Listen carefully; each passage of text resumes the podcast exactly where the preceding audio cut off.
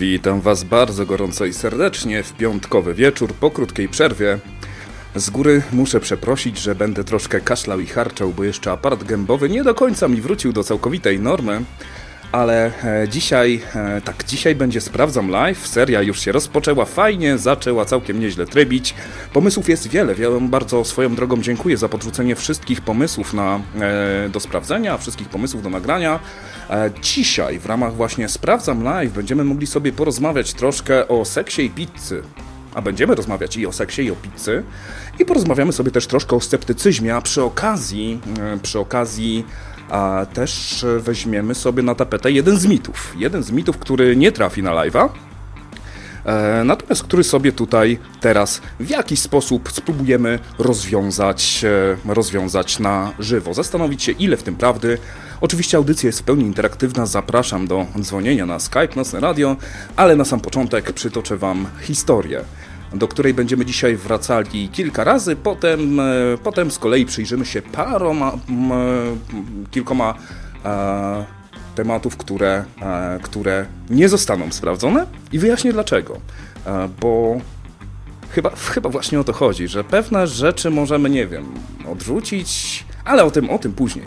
Przejdźmy do e, sedna historii. Historia Michaela Edwarda, Edwarda Robertsa. E, historia, o którą zadbałem, by nie było łatwa do wyszukania w internecie, żebyście czasami przypadkiem nie wpisali sobie tego nazwiska w Google, bo ono coś wam powie. Ono coś wam powie i pewne elementy tej historii są weryfikowalne, co ciekawe. Natomiast nie wszystkie. No dobra, no ale wracając do e, tematu, w ogóle materiał pochodzi z e, brukowca National Enquirer, tego samego, który e, opisywał historię Travisa Waltona, który opisywał porwanie Hillów i generalnie mnóstwo różnych dziwnych, e, niewyjaśnionych, e, niewyjaśnionych zjawisk. Jest odpowiedzialny za stworzenie kilku mitów, które w naszym świecie sobie tutaj funkcjonują. Michael Edward Roberts, czarnoskóry, ambitny, a nie, jednej rzeczy nie włączyłem, przepraszam. O, teraz powinno być troszkę lepiej. Michael Edward Roberts, czarnoskóry, ambitny, 30-letni zastępca kierownika zespołu inwestorów. Pracował w firmie Morgan Stanley na 45. piętrze drugiej wieży World Trade Center w Nowym Jorku. Blisko rok przed atakiem terrorystycznym na nowojorskie wieże w środę, 18 października 2000 roku, doszło do dziwnego zdarzenia. Roberts miał udać się na lunch, jednak gdy nie wrócił po godzinie, zaczęto go szukać. Jego telefon komórkowy nie odpowiadał. Przeanalizowano nagrania z kamer w budynku. Dokładnie o 11.58 wsiadł do windy, lecz nigdy z niej nie wysiadł. Winda kierowała się w dół, po drodze zatrzymała się na kilku piętrach, zabierając kolejnych pasażerów, lecz pierwsi, którzy do windy się dosiedli, zeznali, że kabina była pusta. Zawiadomiono policję, która bezradnie rozłożyła ręce. Przeszukali jego niewielkie mieszkanie na Brooklynie, lecz nie znaleźli tam nic szczególnego. W piątek, 20 października, Roberts pojawił się o 9 rano w biurze, jak gdyby nigdy nic się nie stało, wprowadzając, wprawiając w zdumienie współpracowników. Co więcej, był na bieżąco z decyzjami, które zapadły w międzyczasie, lecz kompletnie nieświadomy tego, co się działo a, w jego sprawie. Był przekonany, że poszedł na szybki lunch do restauracji na parterze, wrócił do pracy, wyszedł około 6 wieczorem i wrócił do domu, poszedł na siłownię, obejrzał talk show w telewizji i poszedł spać. Czwartek też był w stanie opisać całkiem nieźle, mimo że monitoring nie potwierdzał jego obecności w budynku, a karta, którą musiał odbijać na drzwiach i windach, by się dostać do siebie, nie była używana od momentu jego zniknięcia. Mimo to, jego telefon komórkowy posiadał zapisy o kilkunastu odbytych rozmowach i to w czasie, gdzie sam operator, zapytany przez policję, twierdził, że telefon był wyłączony. Michael wrócił do swojej codziennej pracy, jednak szybko zaczęły się problemy zdrowotne. Drętwienie lewego barku, nudności i zawroty głowy. Przeprowadzono serię badań, lecz gdy trafił na tomografię, natychmiast wrzasnął z bólu, gdy od razu po włączeniu potężnych magnesów, e, od razu po włączeniu potężnych magnesów w urządzeniu. Był to ostatni dźwięk, jaki wydobył się z jego ust. Późniejsze zwykłe prześwietlenie wskazało, że w jego mózgu znajduje się przedmiot w kształcie kapsułki długości 12 mm i średnicy 4 mm, zaś badanie rezonansem poruszyło go, uszkadzając ośrodek mowy. Michael przeszedł na rentę, a swoją historię zaczął opisywać na listach dyskusyjnych w internecie. W późniejszym czasie dodał, że prześladują go dwie nazwy: Ninazu oraz Akane. Za namową jednego z czytelników użył niewielkiej dawki grzybów halucynogennych, by pomóc sobie e, i pomóc troszkę swojej pamięci. Niestety otworzył tym samym puszkę Pandory.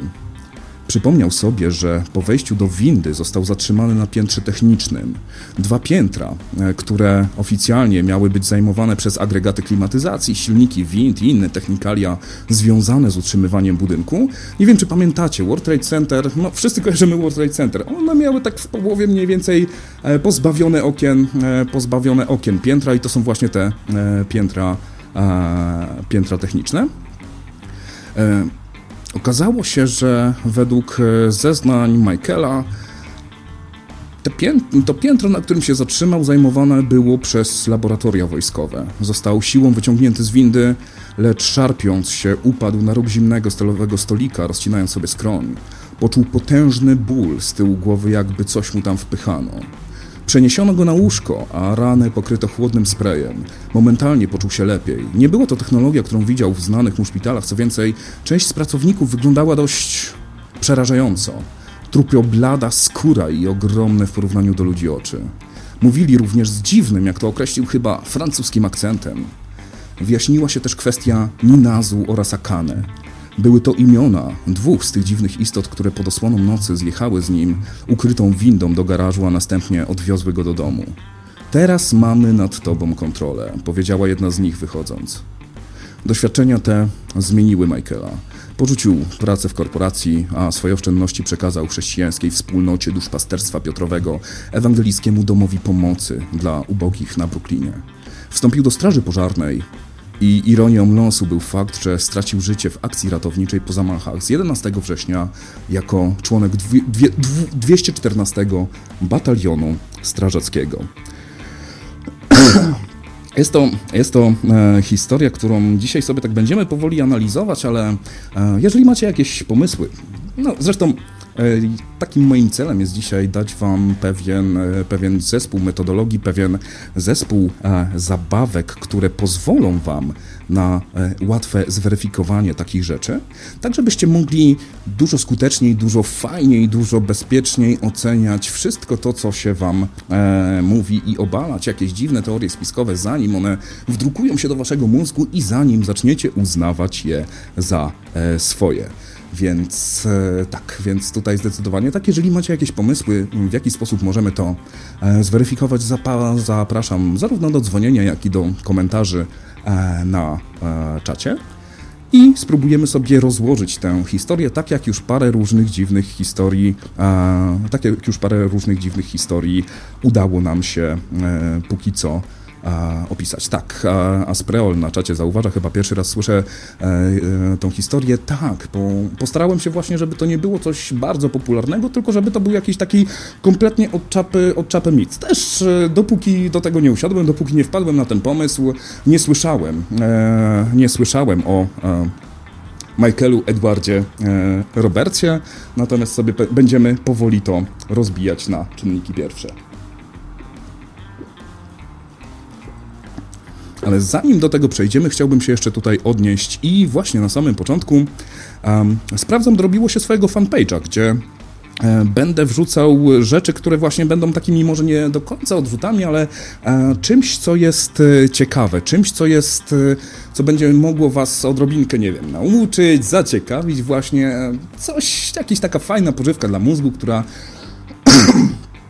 która będzie zaspokajała, e, która będzie zaspokajała waszą ciekawość, także jeżeli chcecie zrobić mi dobrze, to bardzo bym będę e, prosił, bardzo będę prosił, żebyście kliknęli i kliknęli, polubili i udostępnili tę stronę, jeżeli to, to jest taki, można powiedzieć, może nie do końca autonomiczny, bo w dalszym ciągu projekt w, w rodzinie Nocnego Radia, ale nie chcę zawalać Face'a Nocnego Radia ciągle informacjami tylko o tej serii, która jest takim troszkę moim troszkę moim oczkiem w głowie.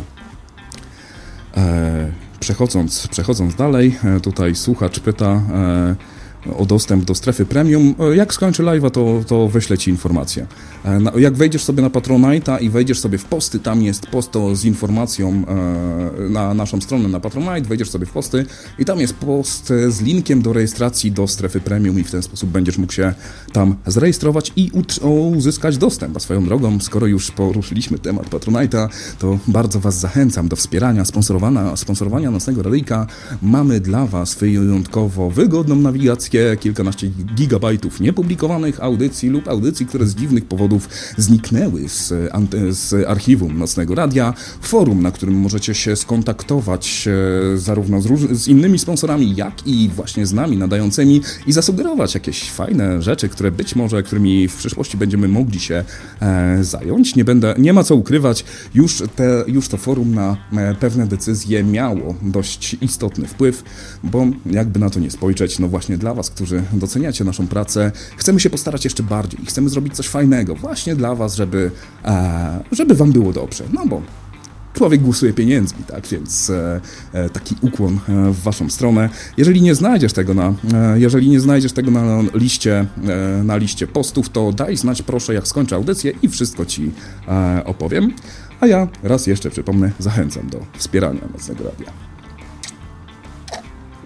Um, zanim jednak wrócimy do historii Michaela Edwarda Robertsa, E, chciałem dwa słowa powiedzieć na temat tematów, które e, będą do wzięcia i w sumie też Was troszkę zapytać, bo um, o pewną formę, bo w pewnych sytuacjach nie jestem do końca pewien, w jaki sposób to e, zrealizować. Co chcielibyście, co chcielibyście usłyszeć? I taki, taką przykładową zagwozdkę miałem w historii Nikoli Tesli i w jednym odcinku, który jest już napisany, ale jeszcze nie został nagrany, mianowicie o częstotliwości 432 Hz o teorii spiskowej, która mówi nam, że kiedyś tam Rothschildowie, Rockefellerowie zmienili nam strój muzyczny z 432 Hz na 440 um, i pewne, pewne tego typu teorie obrosły w wiele, w, w naprawdę bardzo potężną mitologię.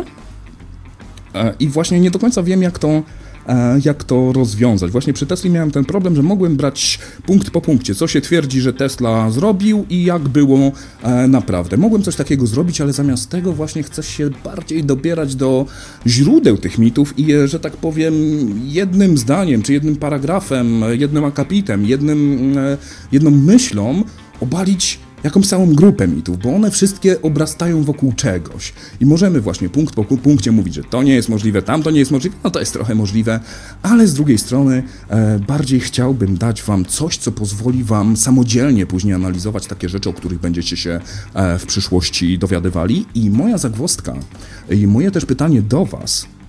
E, Będę brał na warsztat temat zamachów z 11 września gdzie pojawiło się róż, mnóstwo różnych dziwnych teorii spiskowych um, i to, jak sam to planuję zrobić, to jest, e, chcę to zrobić w ten sposób, że chcę opowiedzieć, co tam naprawdę się wydarzyło. Przynajmniej na tej podstawie, na podstawie tego, co faktycznie wiemy, coś, co zostało zweryfikowane, wyjaśnić pewne, pewne e, rzeczy. Z drugiej strony właśnie punkt po punkcie można zacząć analizować, czy w Pentagon uderzyła rakieta, czy lasery z kosmosu zniszczyły te wieże, czy płonące paliwo lotnicze potrafi stopić stalowe belki. I tutaj pytanie do Was. Jaka forma by Wam e, bardziej odpowiadała? Bardziej właśnie, bardziej obalająca punkt po punkcie, czy bardziej... Um, tłumacząca, co się faktycznie stało, tak żebyśmy mogli sobie wyciągnąć poza nawias prawdopodobieństwa wszystko, e, wszystko inne. Więc e, to jest takie właśnie pytanie do Was. Jeżeli zechcielibyście mi odpowiedzieć tutaj na czacie, byłbym bardzo wdzięczny, bo e, jak mówię, no, mamy, mamy póki co 8 odcinków plus dwa napisane. E, kolejny odcinek o, o elektromagnetycznym smogu, tak zwanym w ogóle o promieniowaniu elektromagnetycznym, o telefonach komórkowych, o Wi-Fi i o mikrofalówkach. Pojawi się już w przyszłym tygodniu, jak go tylko nagram, już jest to napisany, już jest gotowy. No ale jak mówię, no robię to dla Was, więc e, oczywiście bardzo dużo sam się dowiaduję, co jest naprawdę fajne. E, e, jeżeli słuchacie serii, no to zdecydowanie, zdecydowanie myślę, że jesteśmy na tej samej wycieczce i e, rozumiecie, jak fajnie nawet się dowiedzieć czegoś, co jest zupełnie spoza obszaru naszych zainteresowań, spoza obszaru naszej wiedzy zbadać to od początku do końca, jak właśnie miałem niesamowitą przygodę przygotowując nagranie o medycznej marihuanie, za co no, naprawdę fajnie, że ta, to też swoją drogą wyszło chyba podczas którejś audycji Nocnego Marka, jeżeli dobrze pamiętam i bardzo się cieszę, że to się pojawiło, ponieważ dowiedziałem się naprawdę masy rzeczy i mam nadzieję, że przedstawiłem je Wam w formie, która Wam się e, spodobała. Jak patrzę na komentarze, zdecydowanie się e, spodobała. Także jestem Wam bardzo wdzięczny za każde odsłuchanie, za każde, e, za każdy feedback, za każdy komentarz, za wszystko, co tutaj robicie. No ale wracając właśnie, wracając właśnie do naszych tematów, trzy słowa o rzeczach, które się pojawiły, które zostały za, zaproponowane przez słuchaczy a które nie trafią do sprawdza. Hmm, mam tutaj, sobie, e, mam tutaj sobie wpisane do odrzutu deszcz ryb w Hondurasie. Jest to propozycja, która padła na e, Facebooku.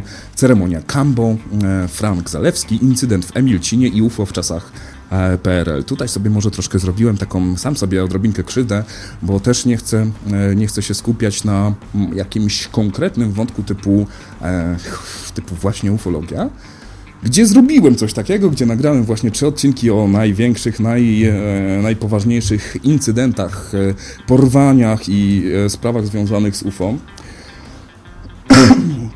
Lecz jest to, jest to temat dość niewdzięczny i chciałbym od razu wytłumaczyć dlaczego. Bo jeżeli sobie weźmiemy taki incydent w Emilcinie, czy incydent bodajże w Gdyni, była taka sytuacja, gdzie właśnie coś dziwnego e, spadło do, e, spadło do wody i gdzieś tam zatonęło i, jak, prawdopodobnie to było takie nasze polskie rozwój. Troszkę mówię z pamięci, ale e, myślę, że jeżeli odrobinkę jesteście zainteresowani tematem, będziecie kojarzyli ten, kojarzyli ten wątek. Problemem w historiach mniej popularnych i taką historią mniej popularną jest właśnie nasza dzisiejsza e, historia Michaela Robertsa, e, jest to, że mamy bardzo jednostronne, e, bardzo jednostronne podejście. Mamy relacje świadków, nie mamy żadnych, nie wiem, fotografii, czy nagrań radiowych, czy czegoś takiego, nie pisano o tym w gazetach.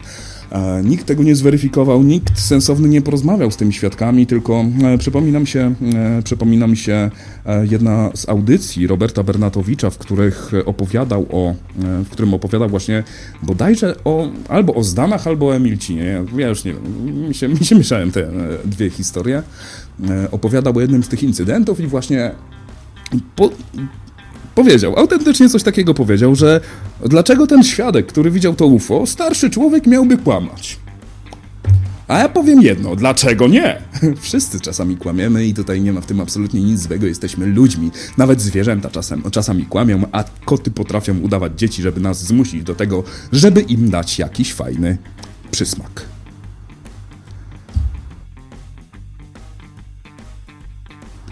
Wybaczcie, że troszkę harczę, ale jak mówię, mój aparat gębowy jeszcze nie jest w 100% sprawny i tak się troszkę e, dzisiaj e, wysilam i odrobinkę się będę męczył, także z góry e, raz jeszcze przepraszam za wszystkie e, przerwy. Tym razem mi się nawet udało wyciszyć mikrofon, zanim kaszlnąłem, także nie jest źle. E, natomiast mam nadzieję, że e, mam nadzieję, że wasz odbiór nie będzie za bardzo skrzywdzony przez moją dzisiejszą niedoskonałość. Może mam nawet bardziej sexy baryton dzisiaj. Mam nadzieję, że wszystko ładnie, wyraźnie i dobrze e, słychać. No ale wracając do tematu, e, relacje świadków, bo większość tych wszystkich mitów, które się nam na całym świecie pojawia, wynika z tego, że ktoś coś powiedział. E, że ktoś coś powiedział, to zostało potem wyciągnięte, przetworzone, opowiedziane 10 razy jeszcze później, za każdym razem, troszkę jak w zabawie w głuchy telefon, ten mit się zmieniał. Ktoś coś dokładał od siebie, ktoś coś odejmował i nagle się okazywało, że e, mamy zupełnie inną, e, dziwną historię. Ale to wynika z tego, w jaki sposób działa e, nasz ludzki e, mózg.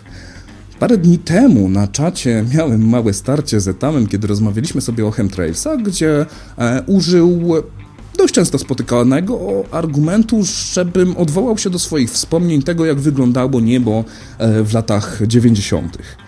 Kiedyś próbowano użyć wobec mnie e, tego argumentu i nawet w niego wpadłem, w jego sidła, ale chcę wam, e, chciałbym wam wytłumaczyć, dlaczego to za bardzo nie działa. Nasza pamięć nie jest, nie jest fotografią.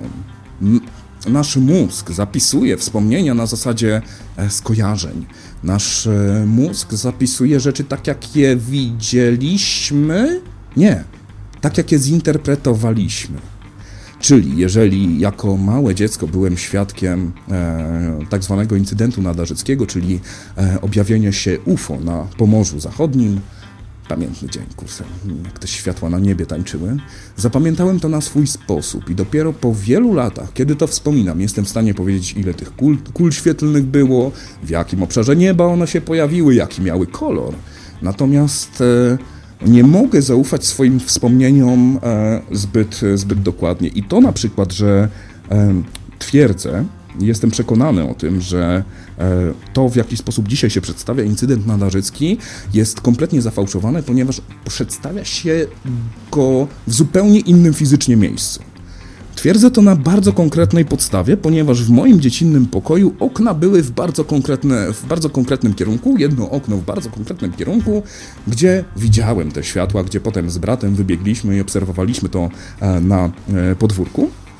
Natomiast wiem, jaki jestem w stanie to, nie wiem, wyliczyć, oszacować, jak, co mogło być widoczne z tego okna. Teraz sobie po prostu wejść na Google Maps, zobaczyć ten budynek i stwierdzić, ok, to musiało być gdzieś tutaj, gdzieś w tym takim trójkącie, który wychodzi z tego okna. I na tej podstawie twierdzę, że współcześnie kompletnie źle interpretujemy miejsce, gdzie e, to się e, zdarzyło. E, I właśnie dlatego chciałbym na samym początku bardzo wyraźnie podkreślić, że to, jak zapamiętaliśmy daną rzecz, zależy bardziej nawet od tego, co.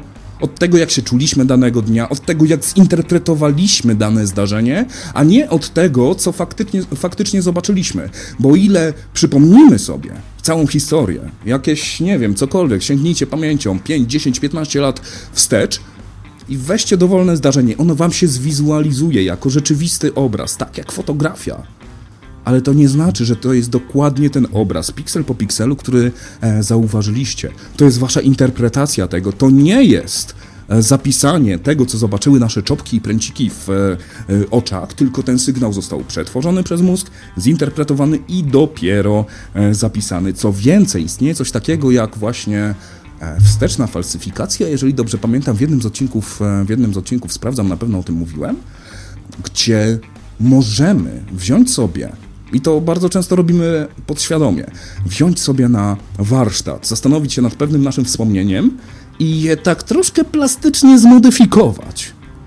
I robimy to cały czas, i w konsekwencji okazuje się, że e, zapamiętaliśmy, może nawet nie tyle, nie tyle zapamiętaliśmy, co teraz, kiedy przywołujemy to wspomnienie, ono zostało już nadpisane, przetworzone i wierzymy, że widzieliśmy coś, czego tak naprawdę nie było, coś, co, co tak naprawdę tam nie wystąpiło, więc. E, E, to jest taki, taka podstawowa pułapka e, naszego mózgu, że relacje świadków, dlaczego, dlaczego ten świadek miałby kłamać? A może nie kłamał, może on po prostu chciał zobaczyć UFO. Oczywiście mógł kłamać, żeby, nie wiem, żeby sobie zarobić, żeby troszkę zrobić swoje życie ciekawszym, na przykład.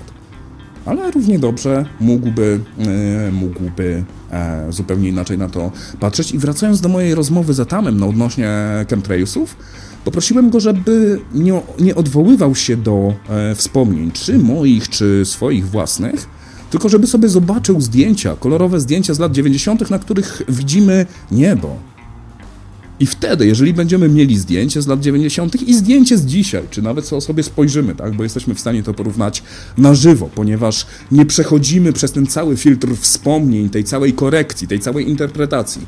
Zobaczymy sobie na żywo i spojrzymy na kolor nieba. W tym najlepiej w tym samym miejscu, w tym samym miejscu w, e, e geograficznym, ponieważ nieba nad miastami są odrobinkę troszkę bardziej białe ze względu na e, postępujące zanieczyszczenie ale no właśnie, odwołujmy się do obiektywnych, obiektywnych weryfikowalnych rzeczy, które zostały zapisane do raportów, do dokumentów, do fotografii, które zostały zrobione w tym momencie, a nie, a nie e, później w postaci e, e, zrobione, nie wiem, w postaci jakiejś wizualizacji.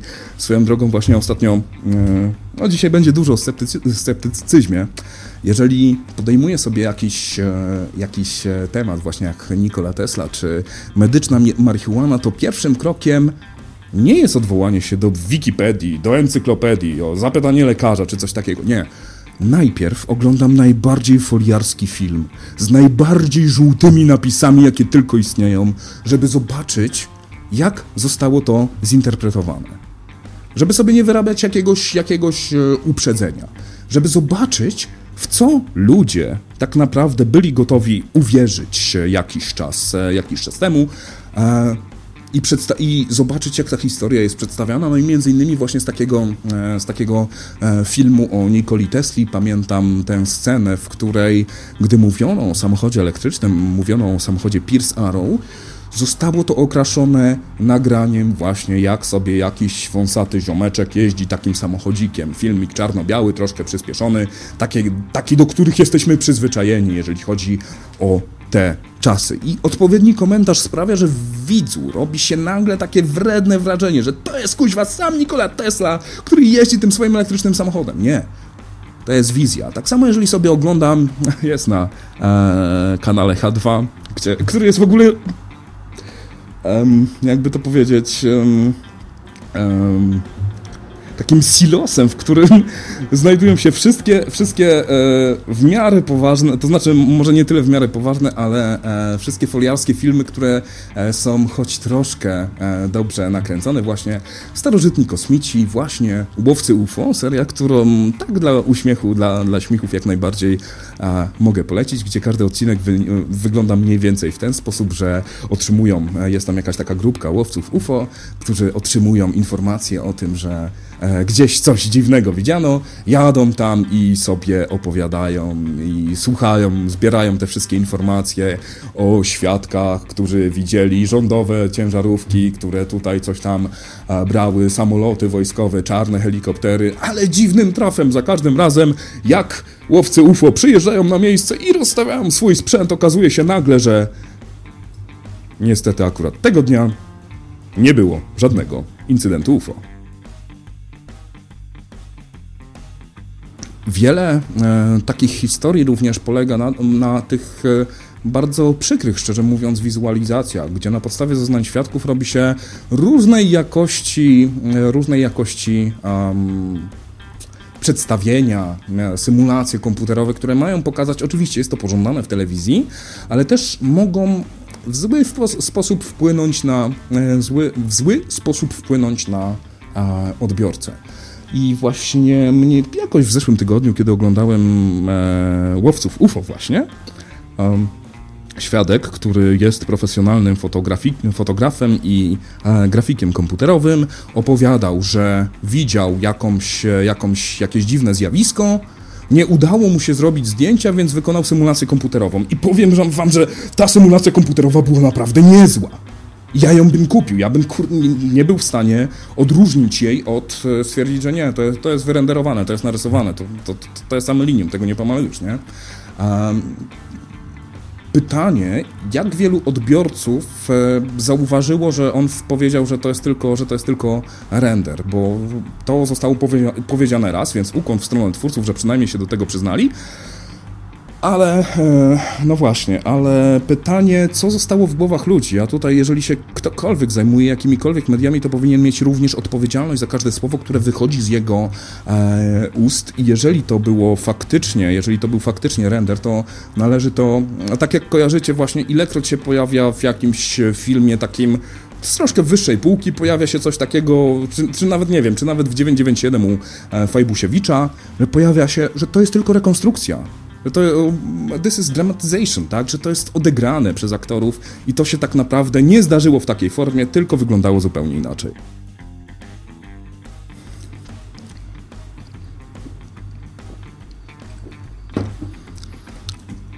No właśnie, jeżeli chodzi o samą kwestię powstawania e, mitów, kurde, w ogóle miało być o seksie i pizzy, a ja tutaj jakieś głupoty e, jakieś głupoty gadam. E, o seksie pizzy i sceptycyzmie. Sceptycyzm jest właśnie jak seks i pizza. Jeżeli jest dobry, to jest bardzo, bardzo dobry. A jeżeli jest kiepski, to w dalszym ciągu jest całkiem niezły. E, ale tutaj przede wszystkim sobie chciałbym odpowiedzieć e, sobie i wam e, na pytanie, jak ten sceptycyzm może wyglądać i opowiedzieć wam o czymś takim jak pseudosceptycyzm. Ponieważ nawet gdzieś z tyłu głowy niektórym ludziom się roi, że sceptycyzm jest... W ogóle ktokolwiek mnie słucha, bo czat tak zamarł jak nigdy. Sceptycyzm jest... Może się wydawać, że sceptycyzm polega na tym, żeby założyć, że coś, co analizujemy, coś, co próbujemy poznać, z marszu uznać za fałszywe i potem pałować i w ogóle wycofywać się i nie dotykać tego broń, e, broń Boże. No sceptycyzm akurat ma troszkę e, większą, e, większą e, historię i wywodzi się e, z greckiej filozofii, ale nie będę wam dzisiaj tutaj robił lekcji historii, z której swoją drogą nie jestem najlepszy, dlatego nie będę, e, nie będę się tutaj, nie będę tutaj za bardzo E, małpował. Natomiast to, o czym musimy sobie na pewno powiedzieć, to że sceptycyzm ma pewne założenie, które zmusza nas do tego, żeby nie przyjmować pewne, żeby nie przyjmować rzeczy za pewnik. Sceptycyzm bardziej skupia się na metodzie analizy, na metodzie weryfikacji faktów, niż na ocenianiu. Sceptycyzm daje nam narzędzia, dzięki e, którym nie będziemy powtarzali głupot. I co jest w ogóle, co jest złego w powtarzaniu głupot, to na sam, e, e, na sam początek. e, Powtarzanie głupot, słuchajcie, no przede wszystkim rozrywka jest fajna, filmy fabularne są fajne, gry komputerowe są fajne, książki są fajne, natomiast w momencie, kiedy e, zaczyna nam się, e, zaczyna nam się coś dziwnego roić w głowie i e, przyjmujemy pewną rzecz, która jest fałszywa, na tej podstawie podejmujemy pewne konkretne wybory życiowe. I na podstawie e, jakiegoś fałszywego założenia będziemy przykładowo płacić za pomidory 20 zł za kilogram, kupując je z organicznej farmy zamiast sobie e, zjeść pyszne genetycznie modyfikowane pomidory, które będą smakowały tak samo, bo jeżeli nie zmieniono genu smaku, no to wtedy nie może to wpłynąć na smak, więc no właśnie, więc podejmujemy pewne wybory życiowe i to, co jest najgorsze w całej historii, to jest to, że E, jest wielu ludzi, którzy czyhają na nas, którzy widzą naszą słabość i którzy będą wykorzystywać naszą łatwowierność tylko po to, żeby a to sobie zarobić, a to coś nam wmówić, a to właśnie, nie wiem, sprzedać książkę, czy sprzedać magrawa, czy sprzedać witaminę C. Nieważne. Są ludzie, którzy będą to a, wykorzystywali. I jeżeli będziemy podejmowali a, wybory wpływające na nasze czy na czyjekolwiek inne e, życie i okaże się, że to było błędne, no to wtedy mamy troszkę przerąbane. Bo nie tylko mm, napchaliśmy, napchaliśmy kasę, e, e, kieszeń ludziom, którzy nam coś tam sprzedawali, ale też wyrządziliśmy nieodwracalną szkodę e, samym sobie czy E, naszemu, e, naszemu dziecku. Gdzieś właśnie w komentarzach, pod którym sprawdzam, pojawił się materiał mówiący o suplementach diety i między innymi o badaniu, które wskazywało na to, że wraz z, z zwiększoną suplementacją zwiększa się ryzyko wystąpienia pewnych nowotworów. Troszkę z pamięci mówię. Natomiast no, ludzki organizm jest e, naprawdę bardzo fajnym urządzeniem, bardzo fajną maszyną, która działa naprawdę fantastycznie i e, nie potrzebuje detoksów i innych e, cudów, bo mamy od tego e, wątrobę i nerki. Ale też tak w moich poprzednich, w moich poprzednich latach, można powiedzieć, działalności zarówno medialnej, jak i pozamedialnej, um, najbardziej krytycznie podchodziłem do rzeczy, które są związane ze zdrowiem.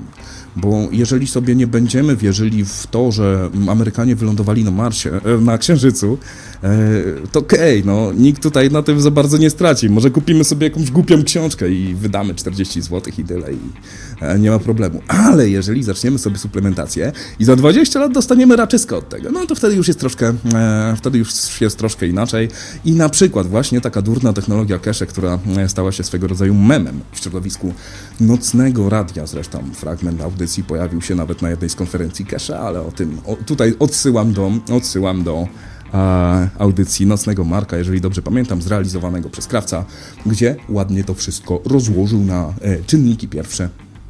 Um, więc e, byłem spokojnie, e, byłem, byłem bardzo spokojny, dopóki mówiono, że to jest tylko produkcja energii ale potem wzięli się za zdrowie. Jeżeli ktoś się bierze za zdrowie, to, to, trzeba, to trzeba naprawdę mocno pałować i bronić ludzi przed tym, żeby wzięli tę łatwą odpowiedź i wykorzystali, wyeksperymentowali to na sobie, ponieważ ci ludzie przez to umrą. A jesteśmy na tym poziomie cywilizacyjnym, że powinniśmy zadbać o ludzi, którzy może nie mają odpowiedniej wiedzy, może nie mają odpowiedniego wykształcenia, może nie mają odpowiednich, e, odpowiedniego, e, odpowiedniej bazy pojęciowej, która mogłaby obalić to twierdzenie i będą gotowi eksperymentować na sobie. Ponieważ zanim oni zaeksperymentują na sobie, zanim oni e, poczują konsekwencje tego eksperymentowania na sobie, powiedzą, że pomogło, tak działa placebo. O tym też będę kiedyś mówił, sprawdzam. E, I wciągną kolejnych ludzi. I dopóki się tak sobie tutaj bujamy i się śmiejemy z ludzi, którzy występują w różnych foliarskich telewizjach i e, radiach internetowych, to jest jeszcze e, w porządku, no ale co, co zrobicie w momencie, kiedy będzie chodziło o waszą matkę? Która będzie twierdziła, że jej pomogło i odstawi, odstawi leki, a potem będzie już tylko do wyboru, do wyboru rodzaj drewna do zrobienia jej trumny. Tutaj też znowu odsyłam do mojej spowiedzi sceptyka, która się parę miesięcy temu na antenie e, radia e, pojawiła. No ale wróćmy do naszego Michaela Edward, Edwarda Robertsa i do historii, która no, miałem nadzieję, że, miałem nadzieję, że ją sprawdzimy wspólnie, ale dobra, ale to może ja zacznę, a jeżeli ktoś będzie się e, chciał wbić, zapraszam na czata, zapraszam do dzwonienia Skype Nosy Radio.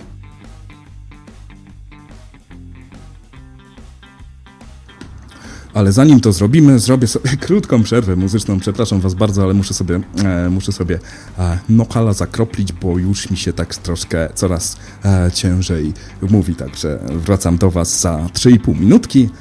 A, a tymczasem Ser i Yeah, Science.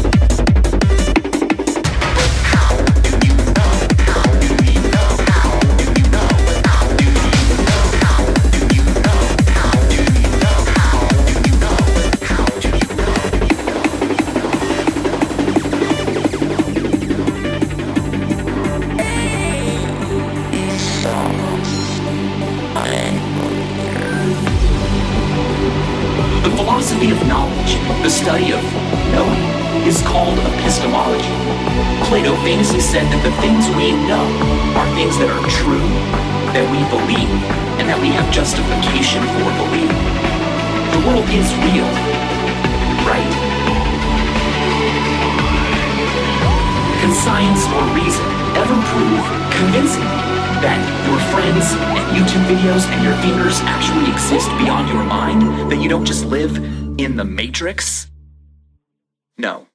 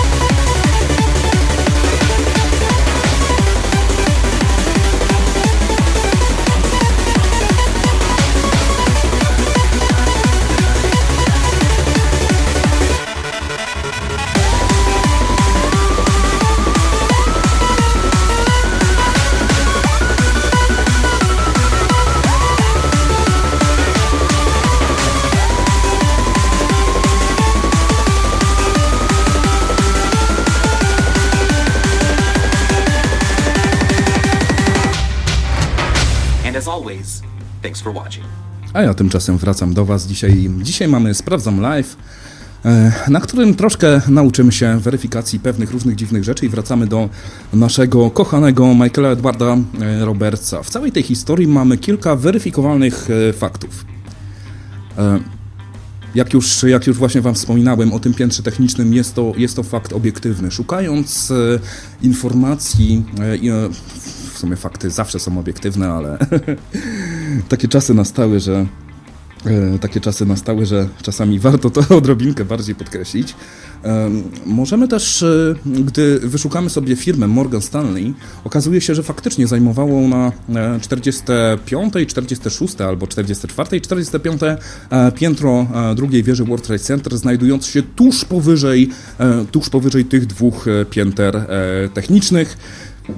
Nawet, nawet takie durne pierdoły jak to, że 18 października 2000 roku była faktycznie środa, to też są rzeczy, które mogą uwiarygadniać naszą, e, naszą e, całą historię. Co więcej, jeżeli sobie znajdziemy e, listę ofiar e, World Trade Center, okazuje się, że faktycznie Michael Edward Roberts był strażakiem z, 200, e, z 214 Batalionu Strażackiego, który stracił życie w World Trade Center.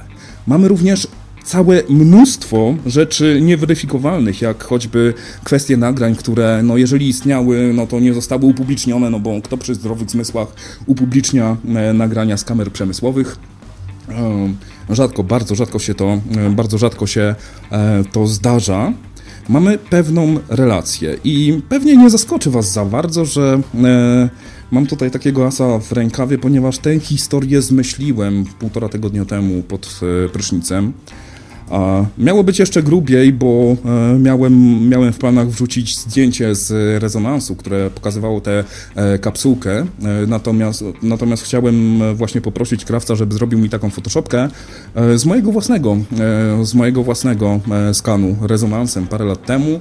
Natomiast niestety CD-ROM w Macu mi nie działa i nie udało mi się zrzucić tego JPEGa, więc to się, więc tutaj to się niestety nie udało, ale w dość łatwy sposób mógłbym dodatkowo dodatkowo wrzucić, dodatkowo uwiarygodnić tę e, całą historię, żeby było śmieszniej. Ninazu to jest sumeryjskie bóstwo, Akane to starsza siostra Akari, Akazy, głównej bohaterki chińskiej bajki Yuru Yuri.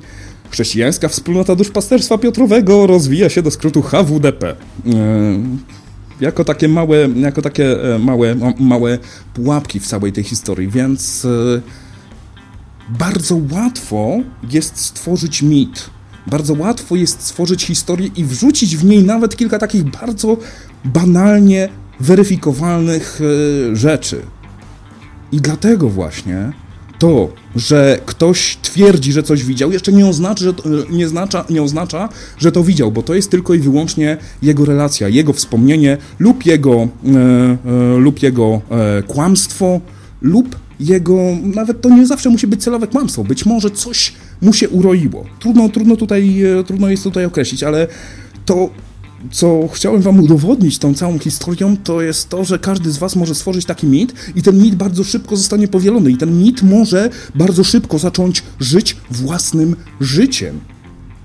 I dlatego nie zajmę się nigdy historią Emilcina, dlatego nigdy się nie zajmę historią e, UFO e, w Zdanach, dlatego Nigdy nie zajmę się Igorem Witkowskim czy Frankiem Zalewskim, którzy oczywiście sypią rzeczami jak z rękawa, ale oni nigdzie nie są weryfikowalni. Ta historia była opowiedziana tylko i wyłącznie przez jedną osobę z jednej strony. I owszem, mogły zostać przedstawione pewne konkretne dowody, tak jak to robi Frank Zalewski, tak jak to robi Igor Witkowski, tak jak to robią świadkowie UFO. Ale ponieważ nie ma tej drugiej relacji, ponieważ nie mamy Filipa Klasa, który e, obalał, który wziął na tapetę porwanie Hillów, czy który wziął na tapetę Travisa Waltona i który wziął mnóstwo innych rzeczy, musimy się liczyć z tym, że mogło to zostać sfałszowane od początku do końca. Jeżeli ta historia jest opowiedziana tylko z jednej strony, to mamy pełne prawo, żeby ją odrzucić w taki sposób, jak została nam przedstawiona. Jeżeli coś jest przedstawione bez dowodów, i to dowodów obiektywnych, a nie dowodów, które się pojawiają tylko i wyłącznie w książce Igora Witkowskiego, to również bez dowodów mamy pełne prawo, żeby odrzucić tę całą historię jako fałszywą.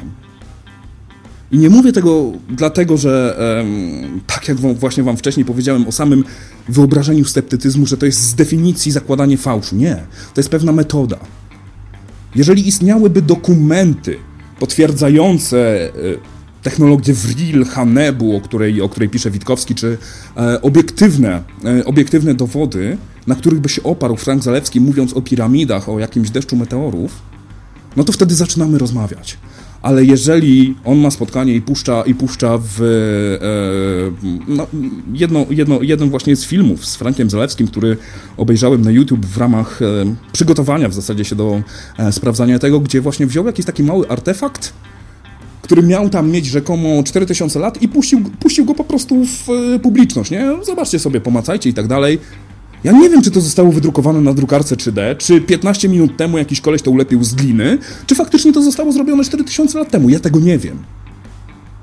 Ale to nie znaczy jeszcze, że mam założyć, że to jest prawdziwe, ponieważ ciężar dowodu leży po jego stronie. I mnie nie przekona to, że ja to dotknę. Niech to dotknie ktoś, kto na tym się lepiej zna.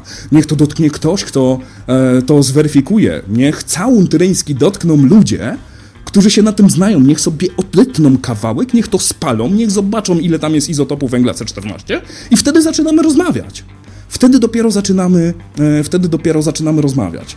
Więc e, wiele z tych historii i podejrzewam, że jeszcze takie, jeszcze takie rzeczy będą się później e, pojawiały w propozycjach. Będę odrzucał z góry, nie będę ich sprawdzał, tylko i wyłącznie dlatego, że odcinek sprawdzam wtedy miałby półtorej minuty, w której wprowadziłbym odrobinkę historii, powiedział, powiedziałbym, sprawdzam.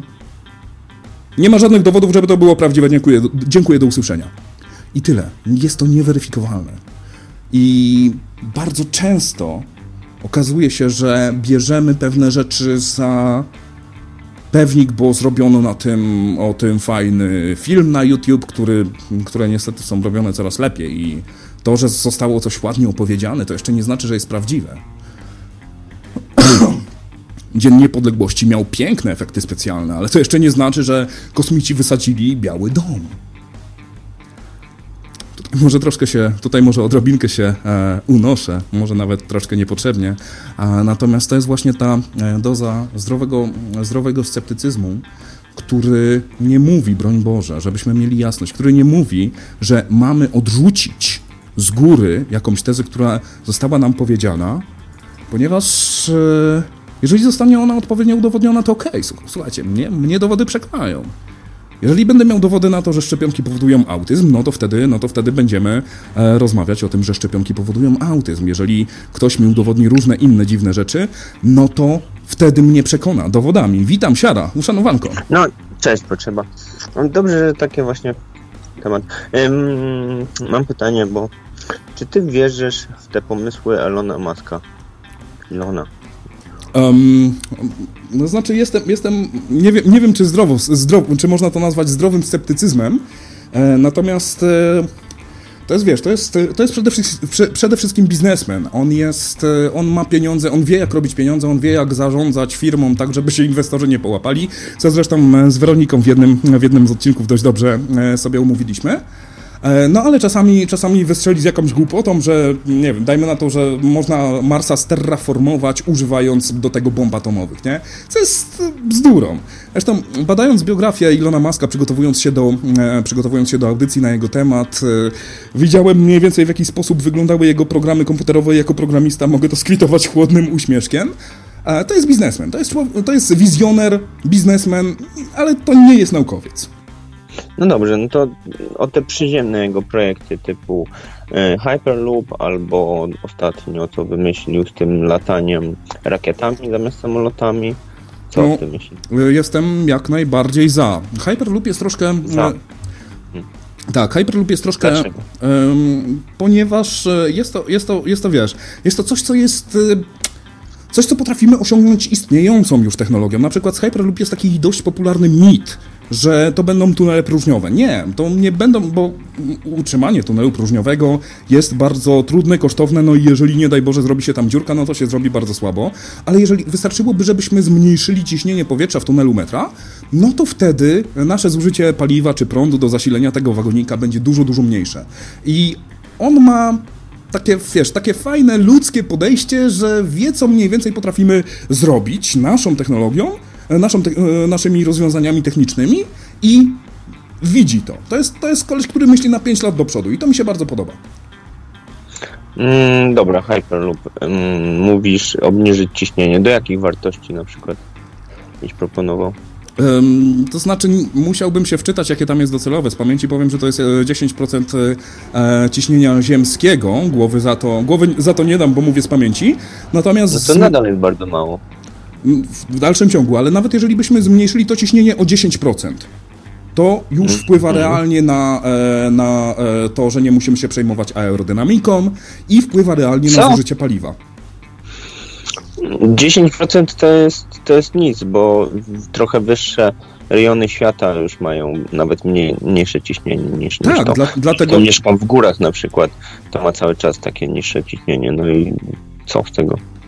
E, dlatego między innymi na przykład e, samoloty rejsowe, które podróżują nad tak, e, oceanem, mhm. wolą się, latają na no, 10 kilometrach tam plus minus troszkę, nie?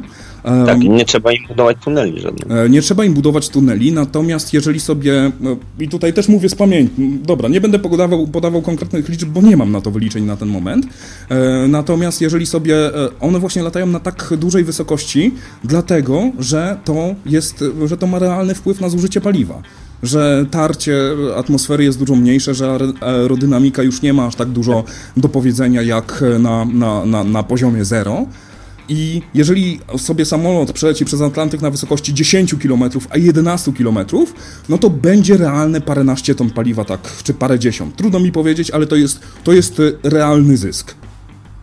No aż takich różnic to, to bym nie szalał chyba, że takie są, bo tam te zmiany ciśnienia nie są już takie duże, tak wysoko, nie? Tam wtedy to już jeśli ci na przykład nawet ciśnienie spadnie o połowę, ale 10% na przykład tego, które jest na, na poziomie morza, na, spadnie o połowę z te 10%, no to uzyskasz tylko 5%, no to już nie będzie aż taki zysk, mm, tak jak mówisz. Dobrze, tylko teraz pytanie, czy da się realnie osiągnąć tunele mm, naziemne? Ostatnio była propozycja, bo pierwotnie miało być pod ziemią, co jest w ogóle nierealne, chyba że uważasz, że można wykopać tunel długości, nie wiem, 600 km na przykład i to nie jest problem. To znaczy, jeżeli dobrze wiem, to takie tunele w ciągu dwóch lat mają zostać otwarte, bo już so, e, łopata w ziemię poszła jakieś 2-3 lata temu i e, połączenia San Francisco bodajże z czymś, nie wiem, dwa tunele na pewno na razie, są kopane. Na razie no. on sobie kopie tunel na swojej działce, tam e, gdzie, gdzie ma na, na, na górze ten, że tak powiem, gówniany inną rurę, którą y, były te konkursy ostatnio, znaczy ostatnio, to już lata temu chyba nawet było, nie? Duży więcej niż rok. No, tam, to, to, to, to, co, tak, to co Wrocław, Wrocław jakieś, nawet zgarnął grant, no. Jak, no właśnie, żeby puszczali jakieś tam wózki, które się same zatrzymywały wręcz i samochodem byś przejechał szybciej i wy, wy, wypompowywanie w ogóle powietrza z tego trwało dłużej niż, niż nikt nie pomyślał nad czymś takim prostym jak śluza jakaś, tak? W ogóle co za pomysł, żeby za każdym razem wypuszczać całe, wpuszczać powietrze, potem wypuszczać z całej rury. Nikt żadnych śluz nie zrobił. To mm. w ogóle jest. Na, znaczy, na, na sam, nawet na same te próby to już by było chociaż pokazać koncept, że no, za każdym razem jak nie wpuścimy wózek, to nie będziemy przecież spuszczać z całego tunelu zrobili taką prowizorkę po prostu. Te wózki to też taka prowizorka. Teraz kopią tunel pod, e, pod tą działką, który ma zakręty w ogóle i, i, i twierdzą, że będzie miał prędkości jakieś nieziemskie, gdzie, gdzie są tam łuki. I, mhm. i, I cały ten tunel pod ziemią, który wykopali, może ma, nie wiem, z kilometr czy ile?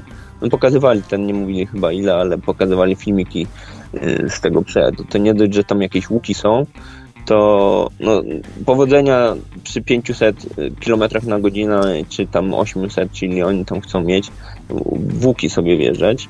Mm, no i kopią sobie jakąś dziurę w ziemi. Nie, między miastami na razie nie słyszałem, żeby coś kopali. Na razie są tosty, testy pod tą działką tego maska, tylko tak. Mhm. Znaczy, I, kiepsko to wygląda. Tak, przede wszystkim pierwszą rzecz, którą chciałbym zaznaczyć, to jest e, nie od razu Rzym zbudowano i nie od razu, hmm. nie od razu, nie wiem, samochody jeździ, były w stanie sobie pojechać 200 na godzinę. E, o transporcie, o transporcie wysokich prędkości wiemy całkiem dużo, wiemy choćby z Pendolino, czy wiemy e, z pociągów TGV, czy innych maglewów, gdzie faktycznie odpowiednio operując, wiesz, odpowiednio operując wychyleniem, sprawiamy, że pasażerowie będą czuli te 1,5G czy 2G, ale to będzie ich wciskać w ziemię, nie będą, wiesz, nie będą uciekać na, e, nie będą uciekać na boki.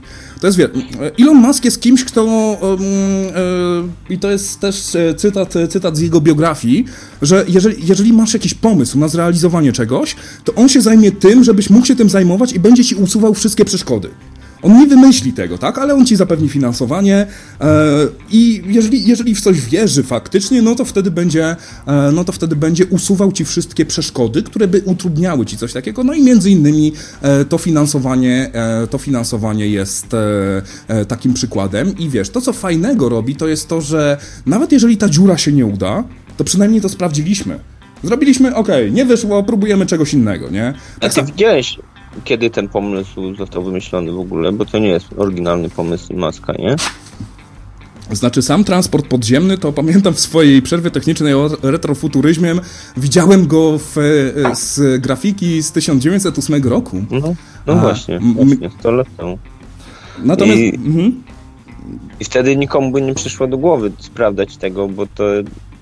Znaczy, no na tamtą technologię też, też prawda, tylko że nadal nie mamy technologii na kopanie tuneli 600 metrów, 600 y, kilometrów. Nie mamy technologii, żeby utrzymać rury na powierzchni ziemi pod ciśnieniem, takie długie. No w tej chwili to jest po prostu nierealne. Według mnie to jest jakiś skok na kasę tylko i, i tyle, no. To znaczy, wiesz, no... E, nie widzę, problem, się udało. No, to znaczy, wiesz, no tak, tak samo było z wielofunkcyjnymi rakietami. Gdyby Przecież pierwsze e, testy Falco, Falcona 1, jeszcze zanim Falcon, e, Falcon 9 i Falcon Heavy powstały, no to e, widzieliśmy mnóstwo filmów na YouTube, gdzie to lądowanie nie do końca się prawda udało, nie? E, I też z tego, co wyczytałem e, w jego biografii, to e, gdyby zaliczył jeszcze dwa nieudane testy, to by mu się po prostu hajs skończył. I, mhm. I wiesz, i kropka, i dupa, i, i, i, kończymy rozmowę, nie? No, nie mamy kasy na to, żeby choćby zatankować kolejną rakietę i ją e, wyrzucić, e, wyrzucić w przestrzeń kosmiczną.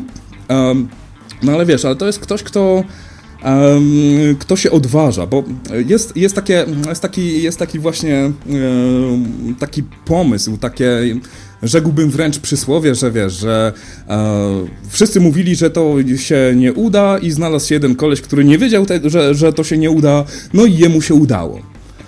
To, co wiemy o tym transporcie podziemnym, to jest to, że nie możemy powiedzieć, że to się na pewno nie uda. Bo jeżeli nie mamy technologii, to jeszcze nie znaczy do, do, do tego, żeby, wiesz, żeby stworzyć te tunele, żeby zadbać o to, um, no to jeszcze nie znaczy, że ta technologia nie jest w stanie zostać wytworzona w czasie, w czasie wiesz, w czasie, w czasie e, naszego życia. I jeszcze tutaj wracając do, wracając do tych konkursów, o których mówiłeś, o e, właśnie projekcie, projekcie tych wagonów czy lokomotyw Hyperloopa, to był swego rodzaju hackathon, to był, e, wiesz, proof of concept, że zrobimy coś takiego, takiego, wiesz, zlepionego sznurkiem i gumą do rzucia i żeby to mniej więcej działało, a potem zajmiemy się detalami, bo mamy mało czasu i tak dalej. I wiesz, i oczywiście, jeżeli masz jakiś bardzo fajny, super, ekstra pomysł, to jesteś w stanie zapro zaprojektować, nie wiem, właśnie, właśnie coś, co, coś, co działa, tak? Pokazać, że jest to możliwe, a potem jeszcze musisz wykonać 10 razy więcej roboty, żeby to działało i się opłacało i żeby było naprawdę, e, i żeby było e, naprawdę e, fajne. Okej. Okay. Wydaje mi się, że używasz jakichś takich metafor zupełnie niepasujących do tego typu właśnie tego klepanego hasełka, że y, przychodzi facet, który nie wie, że czegoś się nie da i to robi. No nie wiem, co zrobił ten Musk. No z tymi rakietami takie testy już były też w latach 60. jakoś tam się to udawało przy tamtejszych komputerach. Nie wiem czemu zaniechano wtedy, na tamten czas. Może się to nie opłacało. Może wtedy myśleli o wahadłowcach. Nie mam pojęcia o co tam Cześć, to, znaczy, to, to, znaczy tak, e, ta metafora, której użyłem, to te, też sam uważam, że ona jest bardzo, e, że ona jest e, bardzo na wyrost, tak tylko dla takiego dziennikarskiego obowiązku okay. zaznaczę i, i tutaj wiesz, bardziej mi chodzi o to, że Elon Musk jest kimś, kto odważy się zainwestować w coś, co może się nie udać, ale on to widzi. On to widzi, że za, za wiesz, za, za 5 lat będzie to e, wyglądało. Nawet niektóre, nawet niektóre media się z niego podśmiewały, że 5 lat w strefie czasowej Ilona Maska to jest 15 lat, bo e, zalicza czasowe wtopy od, od projektu do projektu i bardzo mało mu się tak naprawdę udało zrealizować w terminie. E, no ale, ale wiesz, ale druga, druga rzecz, o której mówiłeś, czyli BFR, czyli ten transport, ten transport zamiast samolotów. Czekaj, czekaj, czekaj, mhm. czekaj, bo jeszcze, jeszcze nie skończyliśmy w sumie o tych tunelach, bo yy, on, przede wszystkim lokalizacja jeszcze, gdzie on to chce z, zbudować. Na uskoku, kurwa, no, znaczy, przepraszam, no. Wysoka aktywność sejsmiczna jest w tym rejonie, więc jak ty chcesz utrzymać nawet, wykop ten tunel 600 km, jak to chcesz utrzymać, żeby to się nie, nie obruszyło, bo to nawet nie chodzi o to, czy to się zawali, czy nie, mogą być jakieś, nie wiem, zabezpieczenia, ale tam Wystarczy, że ta rura się troszkę tylko obruszy i się rozszczelni i już masz, wiesz, problem. Znaczy, z jednej strony Jak tak. w takim rejonie mhm. coś takiego zbudować? Um, ja, Albo... tego, ja, tego, ja tego nie wiem, ale wiesz, ale Musk jest kimś, kto jest gotów... Widzisz, ufasz mu, wierzysz mu jak jakiemuś bożkowi, że o, to on wie. O, on to wie, myślisz, że co, on jest mądry, on, on to wie. Nie, no, nie, on, on, tego nie wie. On ma, on, on ma człowieka, który sprawił, że yy, Musk w to uwierzył i dał mu pieniądze, tak naprawdę, tak? Bo zresztą nawet, nawet sama koncepcja samochodów elektrycznych yy, Muska, o których yy, pisał, pisał jeszcze w ogólniaku, zrobił wielką rozprawę, yy, była oparta na kondensatorach, yy, gdzie faktycznie no tam może dostał, dostał, dostał bardzo fajną ocenę w ogólniaku, ale po czym wiesz, przyszedł do niego fizyk i powiedział, ej Musk, jesteś debilem, nie? To trzeba użyć baterii litowo-jonowych, a nie, a nie kurde kondensatorów. I faktycznie to zaczęło trybić i to mniej więcej teraz, e, i to mniej więcej teraz działa. E, to, do czego zmierzam, to jest to, że wiesz, że on, e, bo, no, nie oszukujmy się, to jest, to jest miliarder, tak, który nie musi się starać o to, żeby przeżyć od pierwszego do pierwszego, tylko może sobie pozwolić na pewne inwestycje. No i właśnie z jednej strony będziemy mieli tych, którzy jakoś tam sobie kumulują całe, którzy sobie kumulują pieniądze, tak, a z drugiej strony będziemy mieli inwestorów. Jeżeli jesteś inwestorem, to musisz się liczyć z tym, że to się nie uda. E, I wiesz, i mogę sobie tutaj teoretyzować, że może jakieś gumowe nanomateriały, które będą na tym uskoku e, sobie jakoś e, pracować, są przewidziane. Bo to też jest pewne, to też jest pewne inżynier, inżynierskie wyzwanie, ale on w to uwierzył i on, wiesz, wkłada to pieniądze, które zarobił ze swoich innych biznesów, które się sprawdziły, więc no jestem jak najbardziej za tym. To nie jest tak, że wiesz, że ślepo będę spijał jego ślinę z ust, ale on to weryfikuje, on to sprawdza. No mamy pomysł, który na papierze wygląda w miarę spoko, Dobra, zróbmy to, sprawdźmy, sprawdźmy, czy się nie, nie rozwali, nie?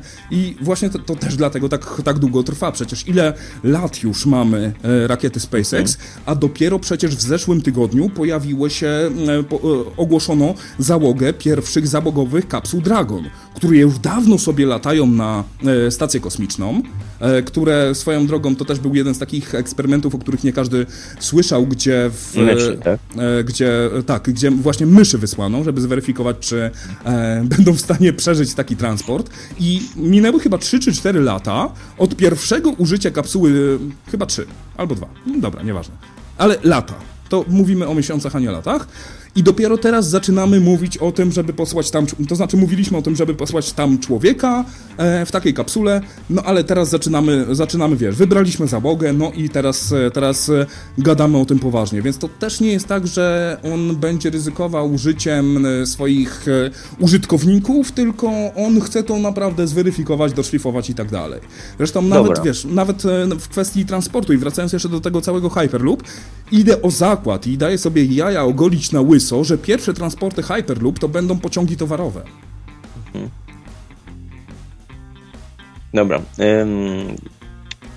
Nie wiem po co w ogóle mówimy o tym SpaceX, X, skoro miało być o innych jego pomysłach.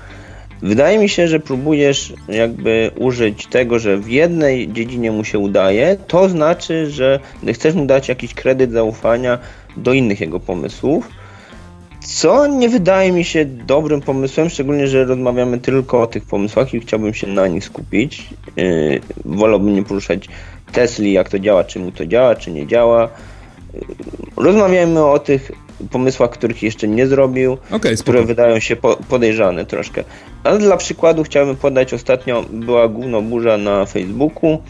Yy, pewna, pewna pani profesor, nadzwyczajna, jeszcze niezwyczajna, z Rzeszowa, mojego nawet rodzinnego miasta, nad czym ubolewam, nawet kierowniczka jednej katedry, zaczęła postować jakieś posty na Facebooku antyszczepionkowe. No i się no. zrobiła, y, znasz to, tak? Mhm.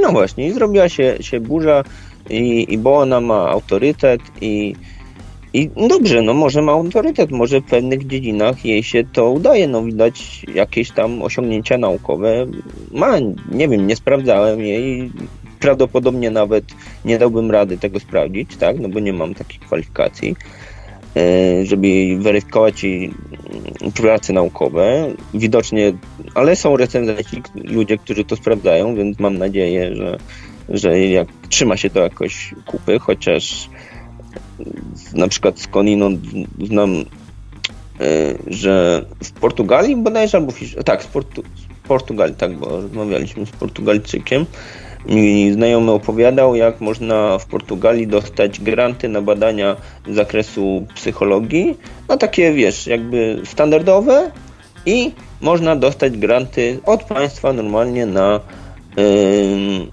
badania takie, jak to się mówi, no, wiesz, no. no. nie duchowe, tylko, jak to się mówi, paranormalne, o, w ten mhm. sposób. Więc możesz pisać sobie ewakuuj, ewakuować musisz.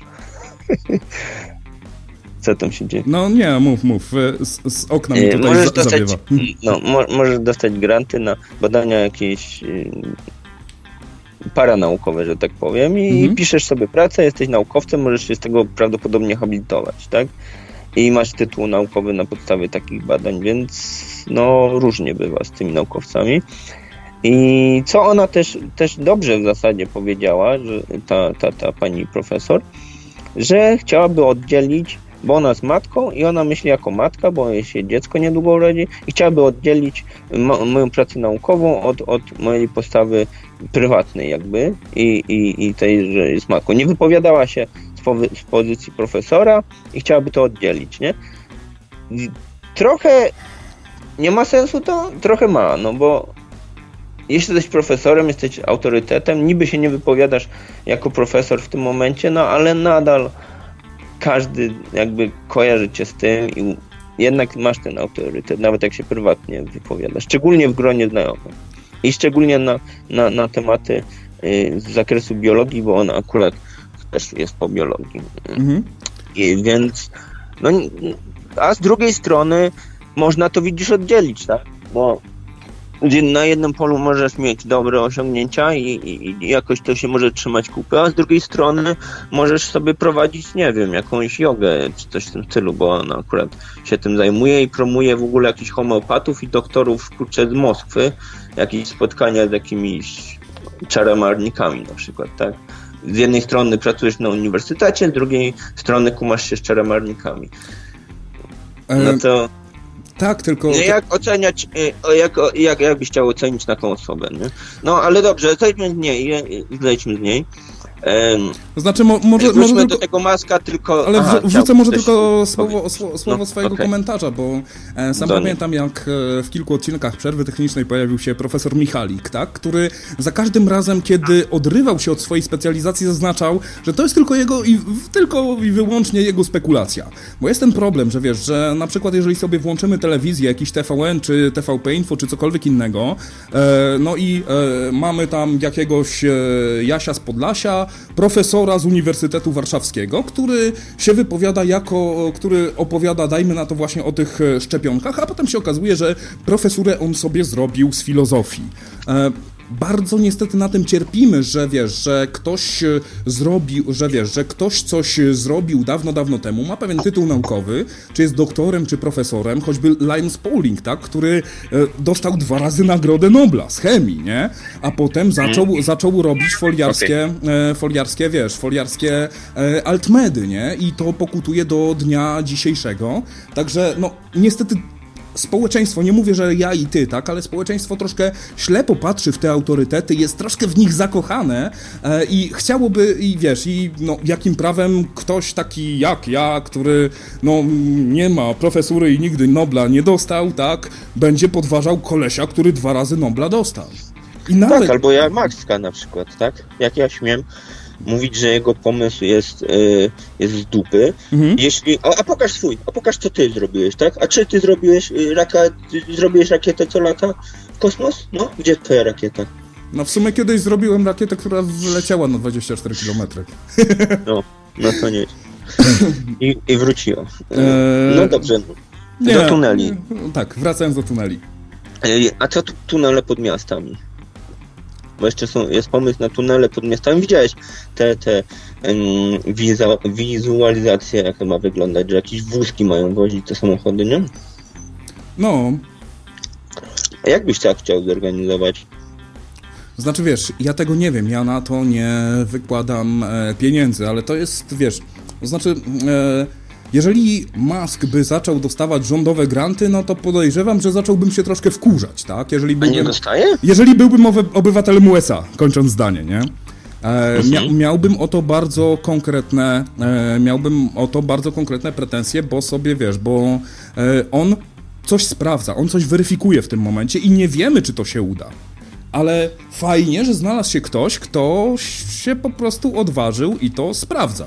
Dlatego broń Boże, wiesz, nie twierdzę, że jestem hura optymistą co do e, jego wszystkich pomysłów, no ale e, znając, znając też odrobinkę jego historię, podejrzewam, że ma jakiś pomysł, e, ma jakiś pomysł na to, tak? No, mamy, mamy historię, nie wiem, takiego um, stolicy, stolicy Meksyku, która Mm, została wybudowana na bagnie i się zapadła w ciągu ostatnich, ostatnich e, kilkuset lat o parędziesiąt metrów, nie?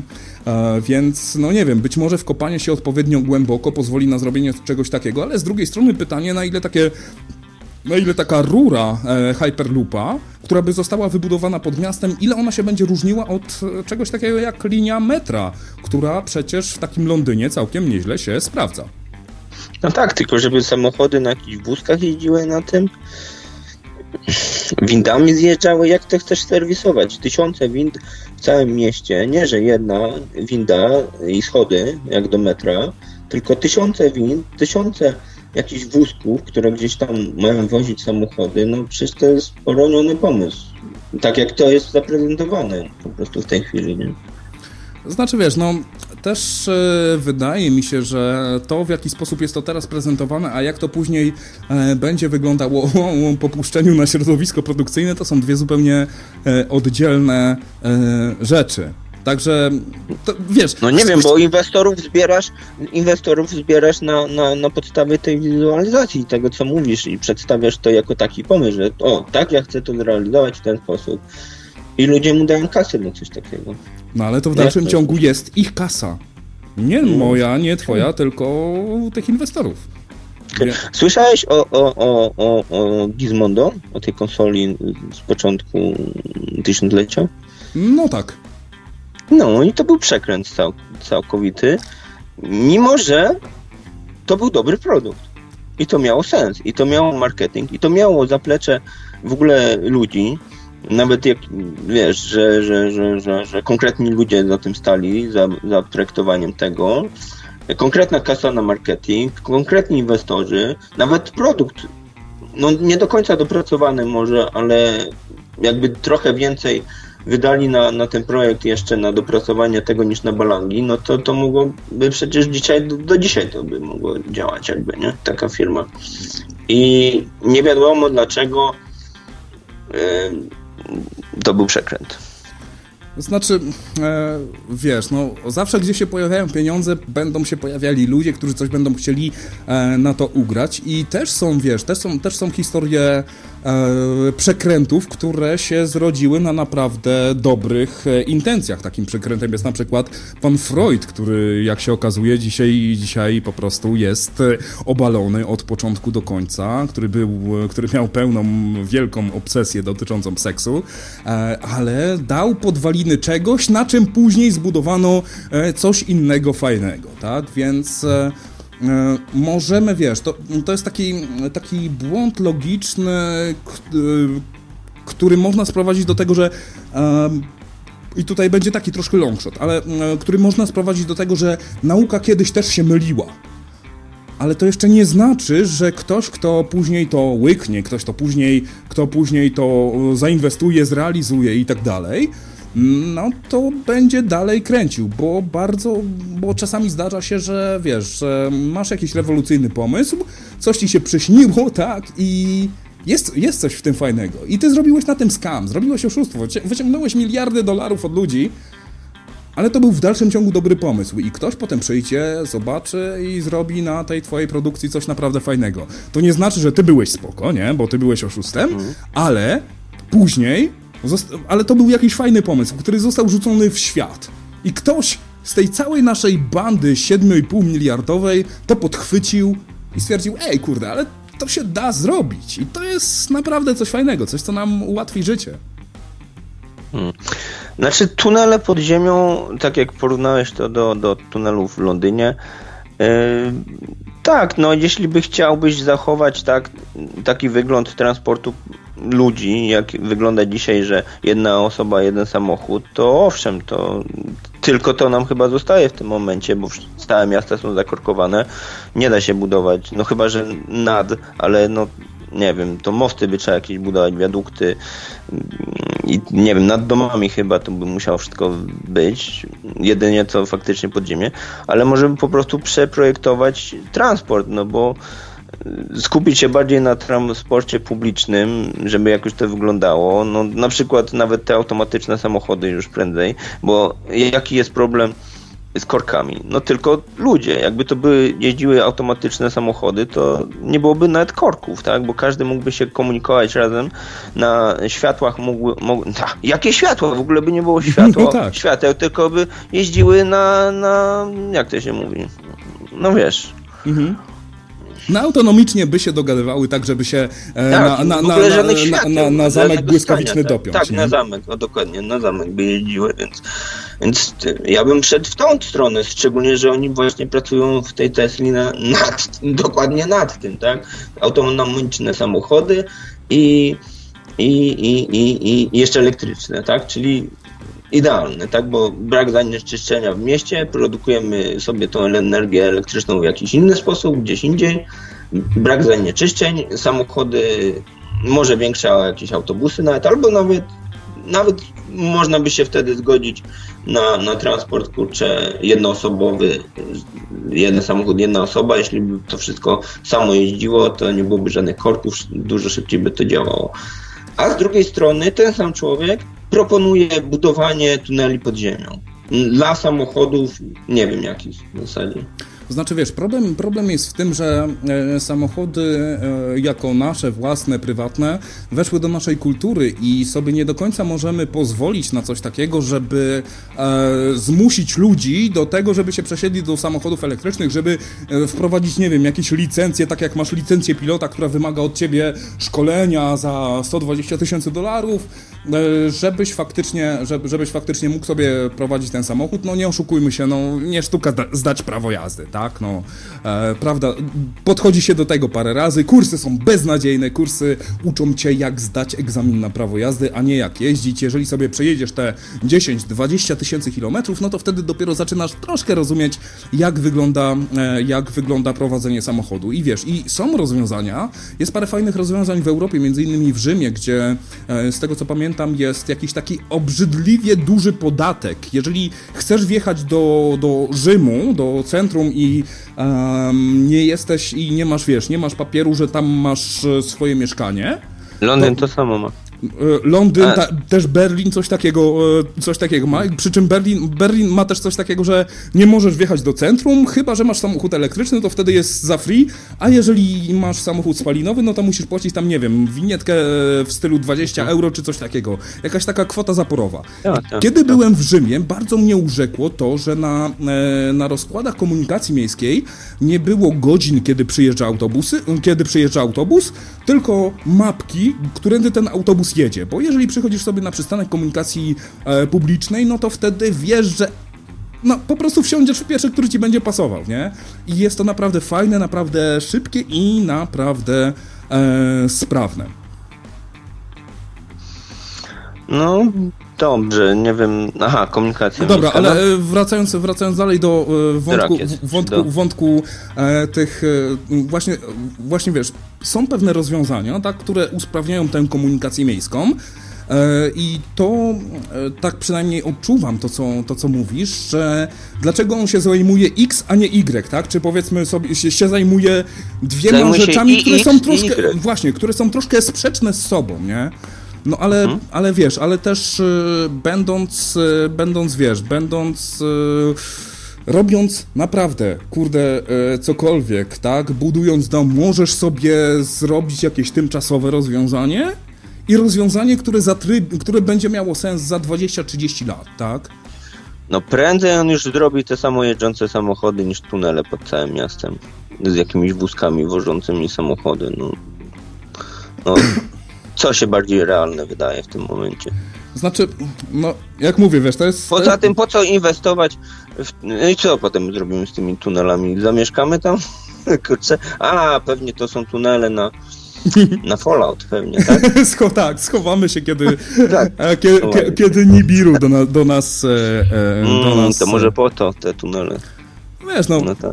na tunelach, jak druga wojna światowa pokazała, zresztą też w tunelach londyńskiego metra podczas II wojny światowej, Mhm. podczas tych wszystkich e, nalotów jednak cywile się, e, cywile się chowali, tak samo e, w Hiroshimie również w jakichś tam podziemnych magazynach e, ludzie e, się chowali, ale to wiesz, to jest jakieś takie rozwiązanie tymczasowe, które koniec końców może się opłacić, tak, bo powiedzmy, okej, nasze samochody, żeby przetransportować naszą dupę e, z punktu A do punktu B, dajmy na to z domu do pracy i z pracy do domu, to jest jedno. Ale jeżeli będziemy chcieli, chcieli sobie pojechać z e, Los Angeles do San Francisco i będziemy mieli możliwość pojechać tam z prędkością 800 km na godzinę, czego nie zrobimy na, na, na, mm, poziomie, na poziomie gruntu, no to też będzie fajne. I tutaj mm, wiesz to może, może inaczej, bo w, jeszcze ze względów zdrowotnych bardzo potrzebuję w tym momencie chwili przerwy. E, także za chwilkę przejdziemy może do tego BFR-a i e, komunikacji i, te, i tego latania od punktu e, A do punktu B. E, nie możesz słuchać, tak? Tego co powiem. Rozumiem? To znaczy nie, chcę zrobić, chcę zrobić, e, chcę zrobić A, po prostu chwilkę, chwilkę przerwy i e, za, chwilkę, za chwilkę wrócić. Okej. Także nie musisz, nie musisz się rozłączać, ja tutaj po prostu wszystko powyciszam i za 5 minut wrócimy. Okej. Okej, dzięki wielkie i do usłyszenia za 5 minut, a tym razem e, Indra, Bizer Contact, This is Science.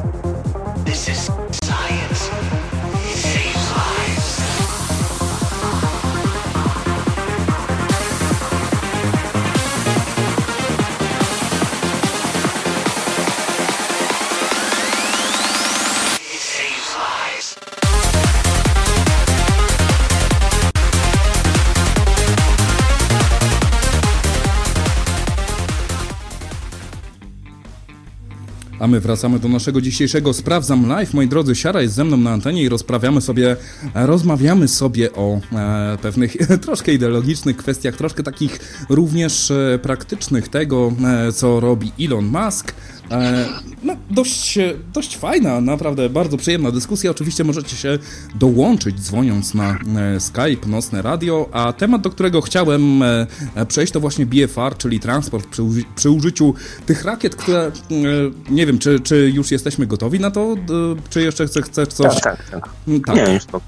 Czyli, czyli technologia, która ma nam pozwolić przy użyciu właśnie rakiet wielokrotnego użytku, żeby się w mniej niż godzinę przenieść z punktu A do punktu B, gdzie punkt A i punkt B jest dowolnym miejscem na, e, dowolnym miejscem na e, Ziemi. E, co wiesz, co już mamy, już mamy w tym momencie te rakiety wielokrotnego użytku i już za chwilkę będziemy mieli kapsuły Dragon, kapsuły załogowe, które pozwolą nam na e, takie przenoszenie się. Um, więc jest to wręcz dużo bliższe niż właśnie wspomniany Hyperloop. To, że ludzie są gotowi zapłacić za, mm, e, za szybki transport, wiemy choćby z przypadku Concorda. Jest taki, mm, jest taki e, popularny błąd myślowy, że w wyniku katastrofy Concorda przy starcie Concordy zostały wycofane. Nie. Concordy latały jeszcze przez e, jakiś czas później, natomiast przestało być to zwyczajnie, opłaca, zwyczajnie opłacalne ze względu na to, że ceny paliwa były tak obrzydliwie wysokie, że no, już się nie opłacało, nie opłacało robić takiego paliwożernego, paliwożer, paliwożernego e, samolotu.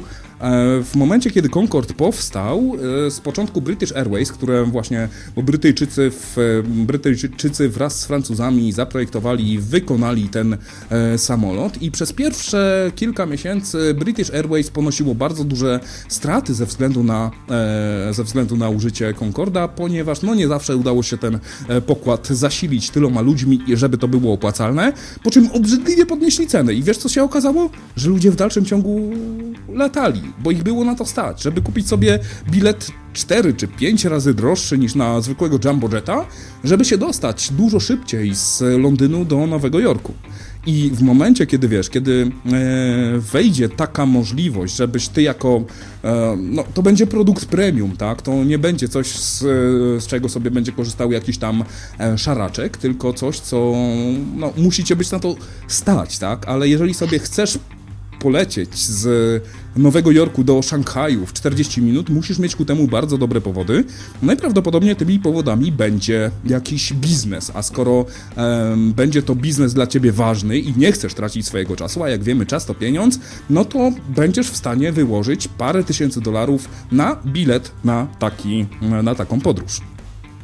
Widzisz, jeśli by to kosztowało tak jak mówisz, kosmiczne jakieś pieniądze, nie wiem, 20 tysięcy dolarów na przykład za bilet, a to nie jest jeszcze kosmiczna kwota, bo takie potrafią być ceny w luksusowych samolotach na niektórych liniach, niektórych liniach lotniczych,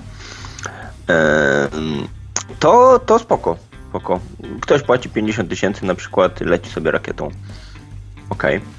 Tylko, że Elon Musk twierdził, że to będzie w cenie normalnego biletu ekonomicznej klasy, że to będzie tej cenie co normalny samolot. No, Nie wiem, jak by to miało wyglądać. Plus, jaki jest największy problem y, lotnisk? Że są gdzieś na wypizdowie. Nie da się prawie tego budować w mieście. No chyba, że w Chopina lotnisko, chociaż nie jest całkiem miasto, ale no powiedzmy w granicach, że to znaczy może inaczej, jest do, dobry dojazd do tego. Ale do rakiety nie da się wiesz, nie możesz postawić blisko miasta rakiety, tak? Hałas. Przecież hałas, dokładnie. No to, to, to, to, to, też jest jeden, to też jest jeden z punktów, dla których e, Concordy troszkę e, straciły tak, nie swój... mogły latać nad, nad zamieszkanymi terenami. E, tak, e, natomiast wiesz, natomiast e, transport jest jakąś tam kwestią drugorzędną, tak? Bo jeżeli sobie e, przelecisz tego Nowego Jorku do Londynu w ciągu 40 minut, to potem będziesz w stanie spędzić drugie 40 minut w autobusie, który cię zabierze ze stanowiska, z, z, z lądowiska rakiet. Oczywiście widziałem wizualizację BFR-u, Dokładnie. że to będzie jakoś, wiesz, tam w środku i tak dalej, otoczone wieżowcami. No tak nie będzie, nie oszukujmy się. Będzie znaczy, nie, to, tak to nie wyglądało. To wyglądało tak, że koło Manhattanu to stało niedaleko, mhm. a do tego BFR-u, y, i to akurat ma sens, żeby te rakiety były odpalane z, z wody, to jak najbardziej. Ale oni tam statkiem płynęli, nie wiadomo dlaczego. Przecież mogli sobie tam ten swój Hyperloop pociągnąć, prawda, zamiast jakąś łodzią. Najwolniejszym środkiem transportu dostajesz się na najszybszy środek transportu, tak? No teoretycznie tak, ale w dalszym ciągu, wiesz, spędzasz 40 minut w BFR-ze, po czym spędzasz kolejne 40 minut w autobusie, ale w dalszym ciągu jest, do, dotarłeś do, z Londynu do Szanghaju w, w godzinę 20, nie? Na ceny, ceny, yy, ceny paliwa, awaryjność, no nie wiem jak chcesz zrobić rakietę mniej awaryjną niż samolot, no, no chociaż Kiedyś na początku dobrze, tak. Kiedyś samoloty były jeszcze bardziej awaryjne, dzisiaj to jest najbezpieczniejszy środek transportu.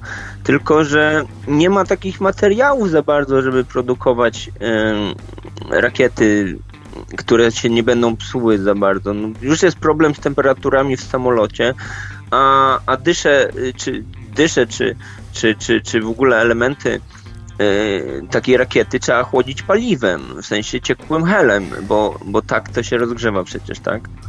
To znaczy, z jednej strony tak, ale... I zużywa. Ale, ale też zauważ, że już w tej chwili widzimy, jak wygląda, wiesz, jak wygląda zużycie e, tych rakiet Falcon 9, że czasami taka rakieta po prostu sobie wystartuje, doleci do stacji kosmicznej i bardziej będzie opłacalne swajczyć ją w atmosferze, e, niż żeby potem wylądowała i żeby odzyskiwać z niej jakieś tam e, części, które by się przydały komuś, komuś dalej. Ten koszt, wiesz, ten koszt wyniesienia na orbitę kilograma cały czas bardzo gwałtownie maleje i bardzo fajnie, że maleje.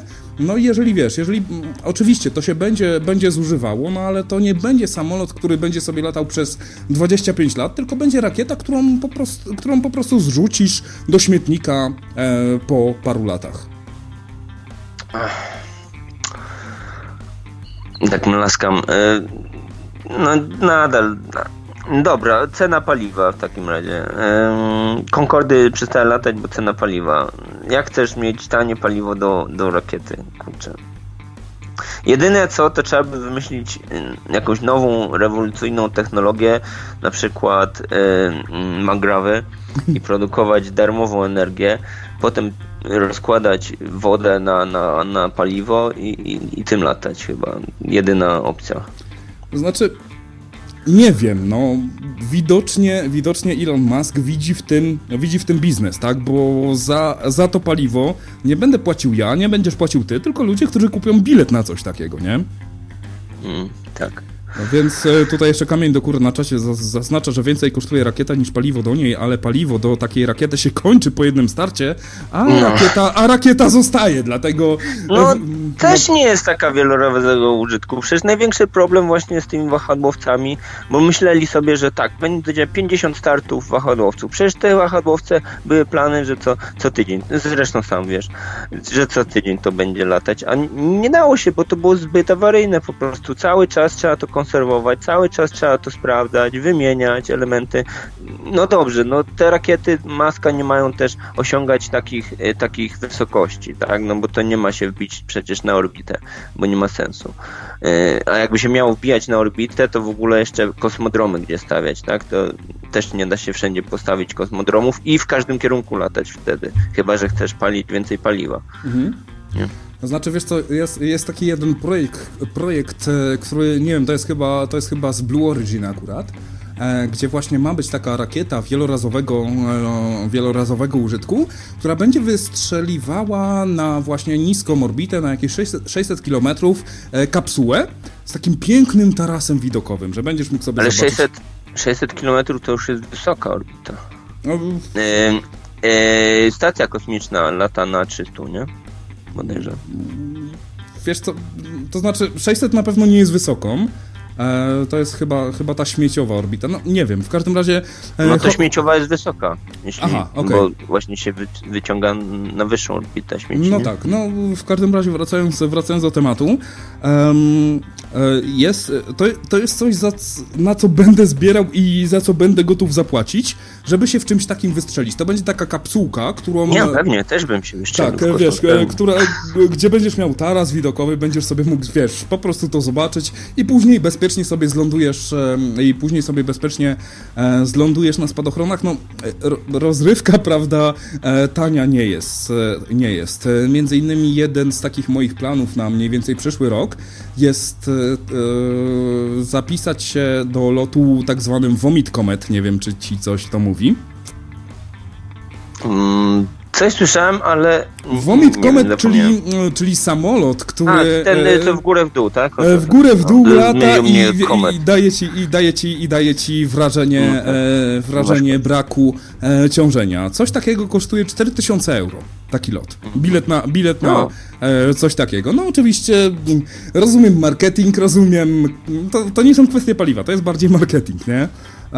I wiesz, i całe, wiesz, ca całe to, że to jest specjalnie dostosowany samolot, który nie ma tam siedzeń pasażerskich, tylko jest zrobiony e, z, odpowiednich, z, odpowiednich materiałów i bardzo chciałbym coś takiego przeżyć, no ale w dalszym ciągu, wiesz, w dalszym ciągu to jest, e, to są pieniądze ludzi, którzy zapłacą za te bilety, nie? To... 4000 to nie jest tak znowu dużo, no bo ile tym lecisz? Z godzinę to trwa? Przynajmniej pewnie, nie? Znaczy, z tego, z tego co patrzyłem e, jakieś pół roku temu, gdzie się bardziej tematem zainteresowałem, masz gwarantowane przynajmniej 20 minut e, braku ciążenia. No właśnie, plus jeszcze wnoszenie się e, dodatkowe, wylot, no to z godzinę to musi trwać lekko. No nawet troszkę więcej, bo zanim wejdziesz Masz na te 10 kafli, to troszkę czasu minie, nie? No, masz tam pracowników, ile tam ludzi wchodzi na pokład? 20? Nie no, wiem, co, 30? Tak, coś koło, no coś koło No właśnie, więc to nie jest cały samolot założony pasażerami, więc wiesz, 4000 to nie jest zupełnie jakaś wygórowana kwota nawet, nie? Za, za taki lot. Nie Już, wydaje mi się. E, Może troszkę więcej wiadomo niż zwykły pasażerski lot, no ale nie, nie tak mało dużo, no bo zważywszy na jak mało tam pasażerów jest, nie? E, już, jeżeli, jeżeli, jeżeli, pewnie? jeżeli, ktoś, jeżeli ktoś jest zainteresowany, to e, wrzuciłem na e, czata e, linka. Bieżąca cena to jest 5000 dolarów. Euro trochę stoi lepiej niż dolar, czyli około 4000 euro w dalszym ciągu to w dalszym ciągu to no ale to jest, wiesz, przeciętna miesięczna pensja, tak? No co, tak dużo, nie? W no. Polsce jakbyś miał wydać miesięczną pensję, nie wydałbyś miesięcznej pensji, no to już dzisiaj. No błagam cię. Dlatego wiesz, dlatego to jest jakiś taki plan, no. który, który jest bardzo, bardzo, e, e, bardzo mi bliski, tylko tutaj to, co wrzuciłem, to chyba to jest, to są Stany Zjednoczone, ale wiem, że e, w Europie coś takiego lata we Francji. Jeżeli mi się uda, to jeszcze wrzucę e, w opisie, e, w opisie audycji. Jeżeli byście chcieli doznać nieważkości, no, nie wiem, no nie będę reklamował w ciemno, ale to jest coś, co kurde warto przeżyć. Pewnie, tak samo jakby były loty w kosmos, tylko ja bym nie wsiadł chyba na rakietę Ilona Maska, wydaje mi się. Dobrze powiedziałeś na początku, że to jest kwestia ideologiczna, ale też tak właśnie czuję, że, że te całe tematy z Ilonem Maskiem to jest, że jego się traktuje jak jakiegoś mesjasza po prostu. Co Elon nie powie, to od razu złotousty i, i od razu wierzymy, od razu jest hype na to. Bez właśnie, nie ma za wielu sceptyków, nie nie widzę tego jakby. To znaczy może tak, e, jakiś czas temu na fejsie widziałem wpis, gdzie Elon Musk miał być zaproszony do jakiegoś festiwalu naukowego w Katowicach, czy gdzieś na Śląsku, nie? E, I wrzucono to na taką jedną z naukowych grup i się od razu pojawił jaki, jakaś taka fala hejtu, że wykorzystuje pracowników, że to gówno nie naukowiec.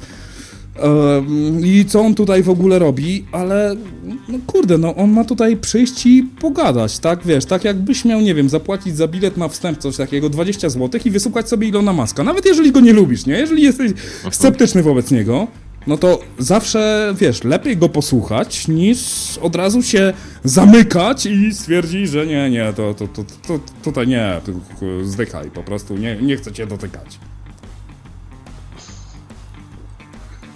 Nie, no nie wiem, no tak, a to, tak, to tak w takim szczerze, razie nie jesteś przeciwko, nie jesteś przeciwko na przykład występom Jerzego Zięby? Tak nie przeszkadza ci zupełnie, że on może sobie w swoje wykłady prowadzić? Wiesz co, Jerzy Zięba to jest coś zupełnie innego, bo Jerzy Zięba dotyka zdrowia i to jest coś, co mówiłem A, na samym początku audycji. Tak, tak. tak E, I powiem szczerze, No że jeżeli by się, jeżeli, w co nie wierzę, tak, ale jeżeli bym się, nie wiem, moja alma mater, tak, Uniwersytet Łódzki zaprosił e, Tomka Mapeta i ze swoim wykładem o magrawach, jeszcze w czasach, kiedy nie, kiedy nie leczyli, to bym to skwitował chłodnym uśmieszkiem. Ale jeżeli dotykasz zdrowia, to już jest coś zupełnie kuźwa innego.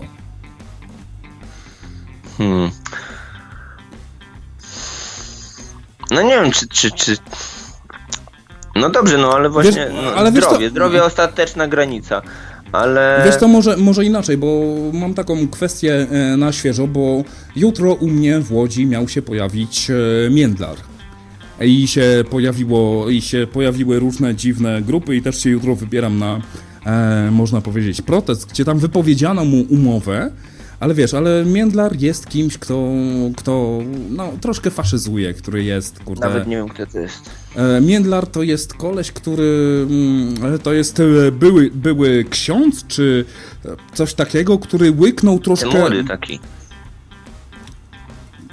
Wiesz co? Nie. Czekaj. Jacek Międlar bodajże. Tak. Ten, co na, na mm, niepodległości tych... tych Tak, tych, tak, tak, tak, tak, tak. A, Okej. Kurwa, on No jest młodszy ode mnie. Ja pierdolę. Tak, on jest młody, no. no młody. No to już kojarzę, okej. No, także wiesz, także e, to jest coś, No co właśnie, jest... on o zdrowiu niby się nie wypowiada, nie? E, O, zdrowi- o zdrowiu się niby nie wypowiada, ale to jest e, kwestia szkodliwości społecznej. No, E, to jest, wiesz, to jest, to on zasiewa pewien wirus, który potem się w ludziach roi i dwoi i tak dalej, tak? I buduje, buduje swoją narrację na nienawiści, czego nie do końca lubię, bo jest naprawdę mnóstwo różnych dziwnych rzeczy wokół nas, e, lepsze niż nienawiść, którymi, możemy, którymi, którymi możemy się e, zainteresować i no nie wiem, no tutaj bardziej ideologicznie akurat do tego podchodzę. E, że no, no nie lubię, no nie lubię narodowców, nie lubię faszystów, nie lubię, e, nie lubię takich typów, no. Mhm. No widzisz, ja mam może nie tak skrajne uczucia, ale, ale gdzieś, gdzieś na tym spektrum właśnie do Ilona Maska. Przez to, że wszyscy mu tak wierzą bezgranicznie, co tylko powie, to od razu tak, tak, Ilon geniusz i róbmy to i płaćmy mu i znaczy nie, broń Boże, broń Boże mu nie płaćmy, tak? Jeżeli, jeżeli by on sobie zrobił jakąś kampanię na Kickstarterze czy, czy, czy coś takiego, no to e, zaczął, przestałbym go lubić, tak? Więc e, e, dla, e, dla takiej jasności e, nie, zdecydowanie nie chciałbym, ale wiesz, ale ewentualna szkoda, która by powstała w wyniku e, działania Ilona Maska, byłaby dużo mniejsza. E, decyzje, które No byś tak. podejmował, to, to, to też co mówiłem w pierwszej części audycji, e, ewentualne decyzje, które byś podejmował względem swojego życia, żeby, no wiesz, żeby e, nauczyć swoje dziecko tego, że muzułmanie wszyscy są terrorystami i gwałcomowce, no to by było troszkę kuźwa słabe, nie? No ale Elon Musk czegoś takiego nie robi. Co najwyżej możesz, możesz w niego zainwestować i stracić trochę kasy. To jest twoja kasa, to jest twoja odpowiedzialność, to jest twoje prawo. Szkodliwość Ilona Maska jest stosunkowo niewielka. No niewielka, tak, tak. Dlatego powiedziałem nie aż tak. To nie jest to samo, co ten Miendler na przykład, czy, tego typu jakieś zięba, powiedzmy, to już zupełnie. Mm, dobrze, to chyba ten temat Ilona Maska można skończyć. E, Poruszaliście może temat, a poruszaliście o tych zarobkach zięby właśnie. Ej, nie wiesz może jakie są odzywy na, na jego grupach? Nie sprawdzałem tego, może, może E, jesteś bardziej na bieżąco. Jak, jak, jak jego zwolennicy podeszli do tego, że on tyle zarobił? e, zdecydowanie wiem i e, to znaczy sporo ludzi się wycofało, natomiast e, nawet e, tak zwany Kot Monet, który jest dzisiaj o północy w konkurencyjnym radiu e, wystąpi, wrzucił e, posta na Facebooka, którego za chwilkę tutaj wkleję, e, e, który za chwilkę wkleję na czat. e, Nocnego Radia, gdzie mu życzy zarobienia e, miliona złotych, więc... No Ma miliarda. Mi, Miliony to on już zarabia tak, na... on 23 miliony, jeszcze no wiem. Co to dla niego milion złotych?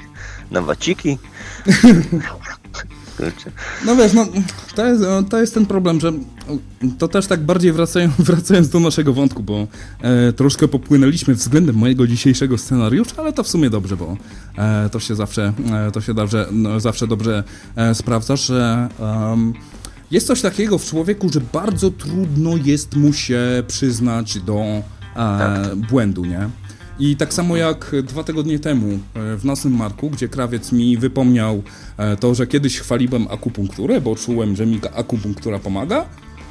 I wiesz, i w momencie, kiedy to wyciągnął, to po prostu przeprosiłem słuchaczy. Że, to znaczy, ilekroć, ilekroć to mówiłem, zawsze zaznaczałem, że to jest tylko i wyłącznie moja opinia, to nie jest poparte faktami naukowymi i tak dalej, nie? Ale mm, y, moja mama zawsze mi mówiła, tylko krowa nie zmienia poglądów. I nie ma nic złego w tym, żeby się przyznać do tego, że się myliłeś, że byłeś głupi, że się nie douczyłeś, czy cokolwiek, nie? E, ale ordynarnie beznadziejnym jest to, kiedy wiesz, że się mylisz, ale dorabiasz sobie ideologię do tego tylko i wyłącznie po to, żebyś, wiesz, żebyś ciągnął, ciągnął swoją narrację. No tak. Ja dla przykładu może brzmię, szczególnie wśród znajomych, jakbym się wymądrzał cały czas, ale cały czas z tyłu głowy mam to i, i zawsze otwarcie mówię o tym, że ja jestem głupi. Bo to jest natura ludzka po prostu. Nie da się nie być głupim. Zawsze się pomylisz. No nie ma takiej możliwości po prostu. Nie da się wszystkiego sprawdzić. Nasz mózg jest ograniczonym urządzeniem. I, I po prostu się trzeba do tego przyzwyczaić i starać się to wychwytywać i i tyle, no i nic z tym nie zrobisz. Po prostu. No tak, no tak, tak właśnie jak w pierwszej, w pierwszej części audycji mówiłem, mamy pewne, mamy pewne wady, że u nas się w głowie zapisuje pewna interpretacja faktów, a nie hmm. fakty, tak jak, tak jak zapisujesz sobie zdjęcie, nie? E, no. Więc e, to, to jest trudne i to jest odważne, nie? Po pierwsze przyznać się do tego, że czegoś nie wiesz, po drugie przyznać się do tego, że byłem adwokatem jakiejś złej idei i ja się z tej idei wycofuję. Mhm. Bo wiesz, no może się, wyda mo może się wydawać fajne, że ktoś jest konsekwentny, od początku życia był taki i umarł taki, jaki To jest żył, najgorsze, nie? a ludzie, a ludzie, ludzie przecież Y, doszukują tego y, jako, jako zaleta, jak, jak jakiś Korwin na przykład, albo, albo, albo właśnie ten mm, kot, który będzie miał audycję, też się właśnie chwali, że o, ja tu będę zawsze tak samo.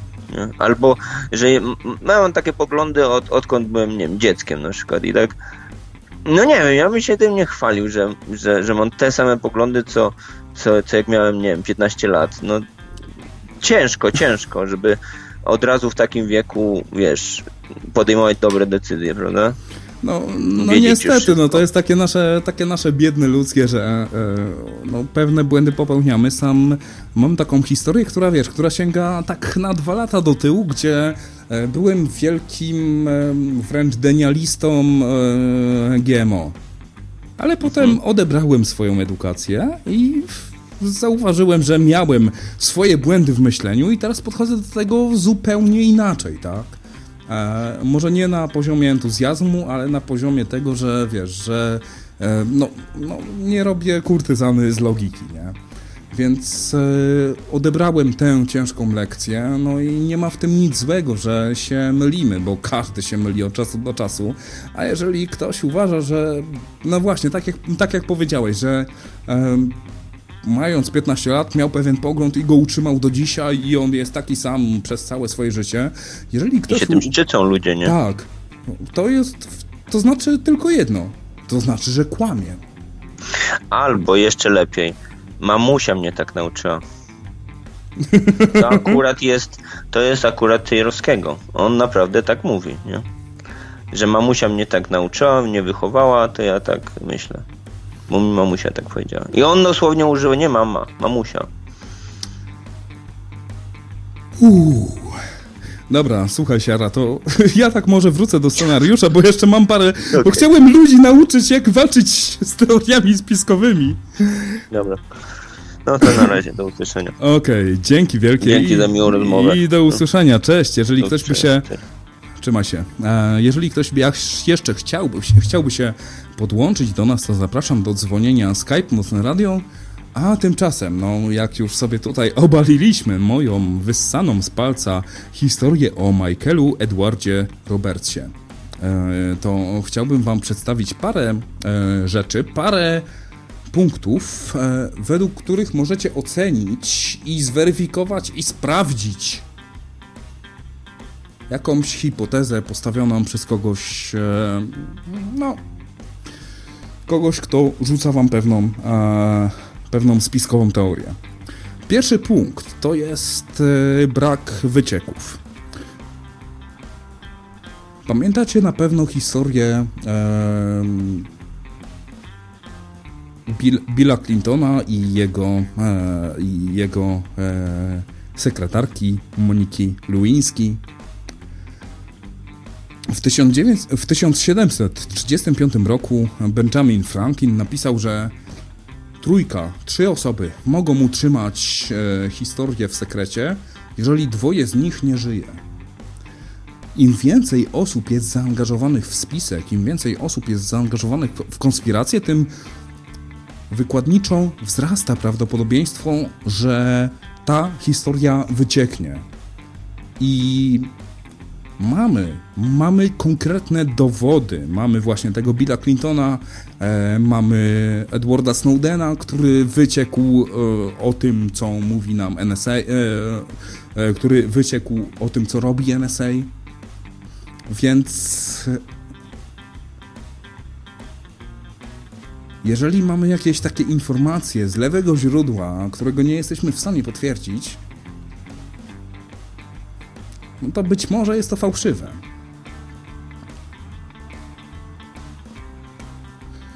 Drugą rzeczą, drugą taki, drugim takim punktem weryfikacyjnym, e, na który warto zwrócić uwagę, jest to to, że jeżeli mamy skandal, który został wzięty na tapetę i ktoś położył na nim swoje ręce, to wtedy okazuje się, że tych, dokumentu, tych dokumentów nie jest jeden, dwa, tych dokumentów są miliony.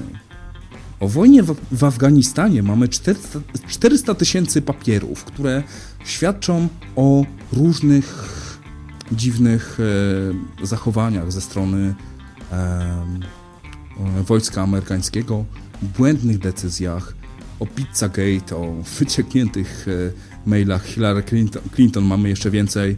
E, wspomniany przed chwilą Edward Snowden wyciekł około miliona dokumentów, które są analizowane jeszcze cały czas do dzisiaj.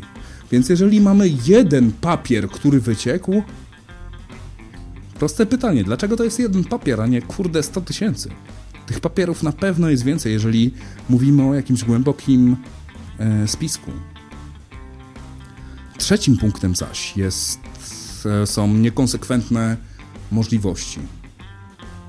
Często teoretycy spisku mówią o tym, że odnaleźli jakiś spisek i są uciszani i tam parę osób zostało zamordowanych tylko dlatego, że o tym mówili i nagle się okazuje, że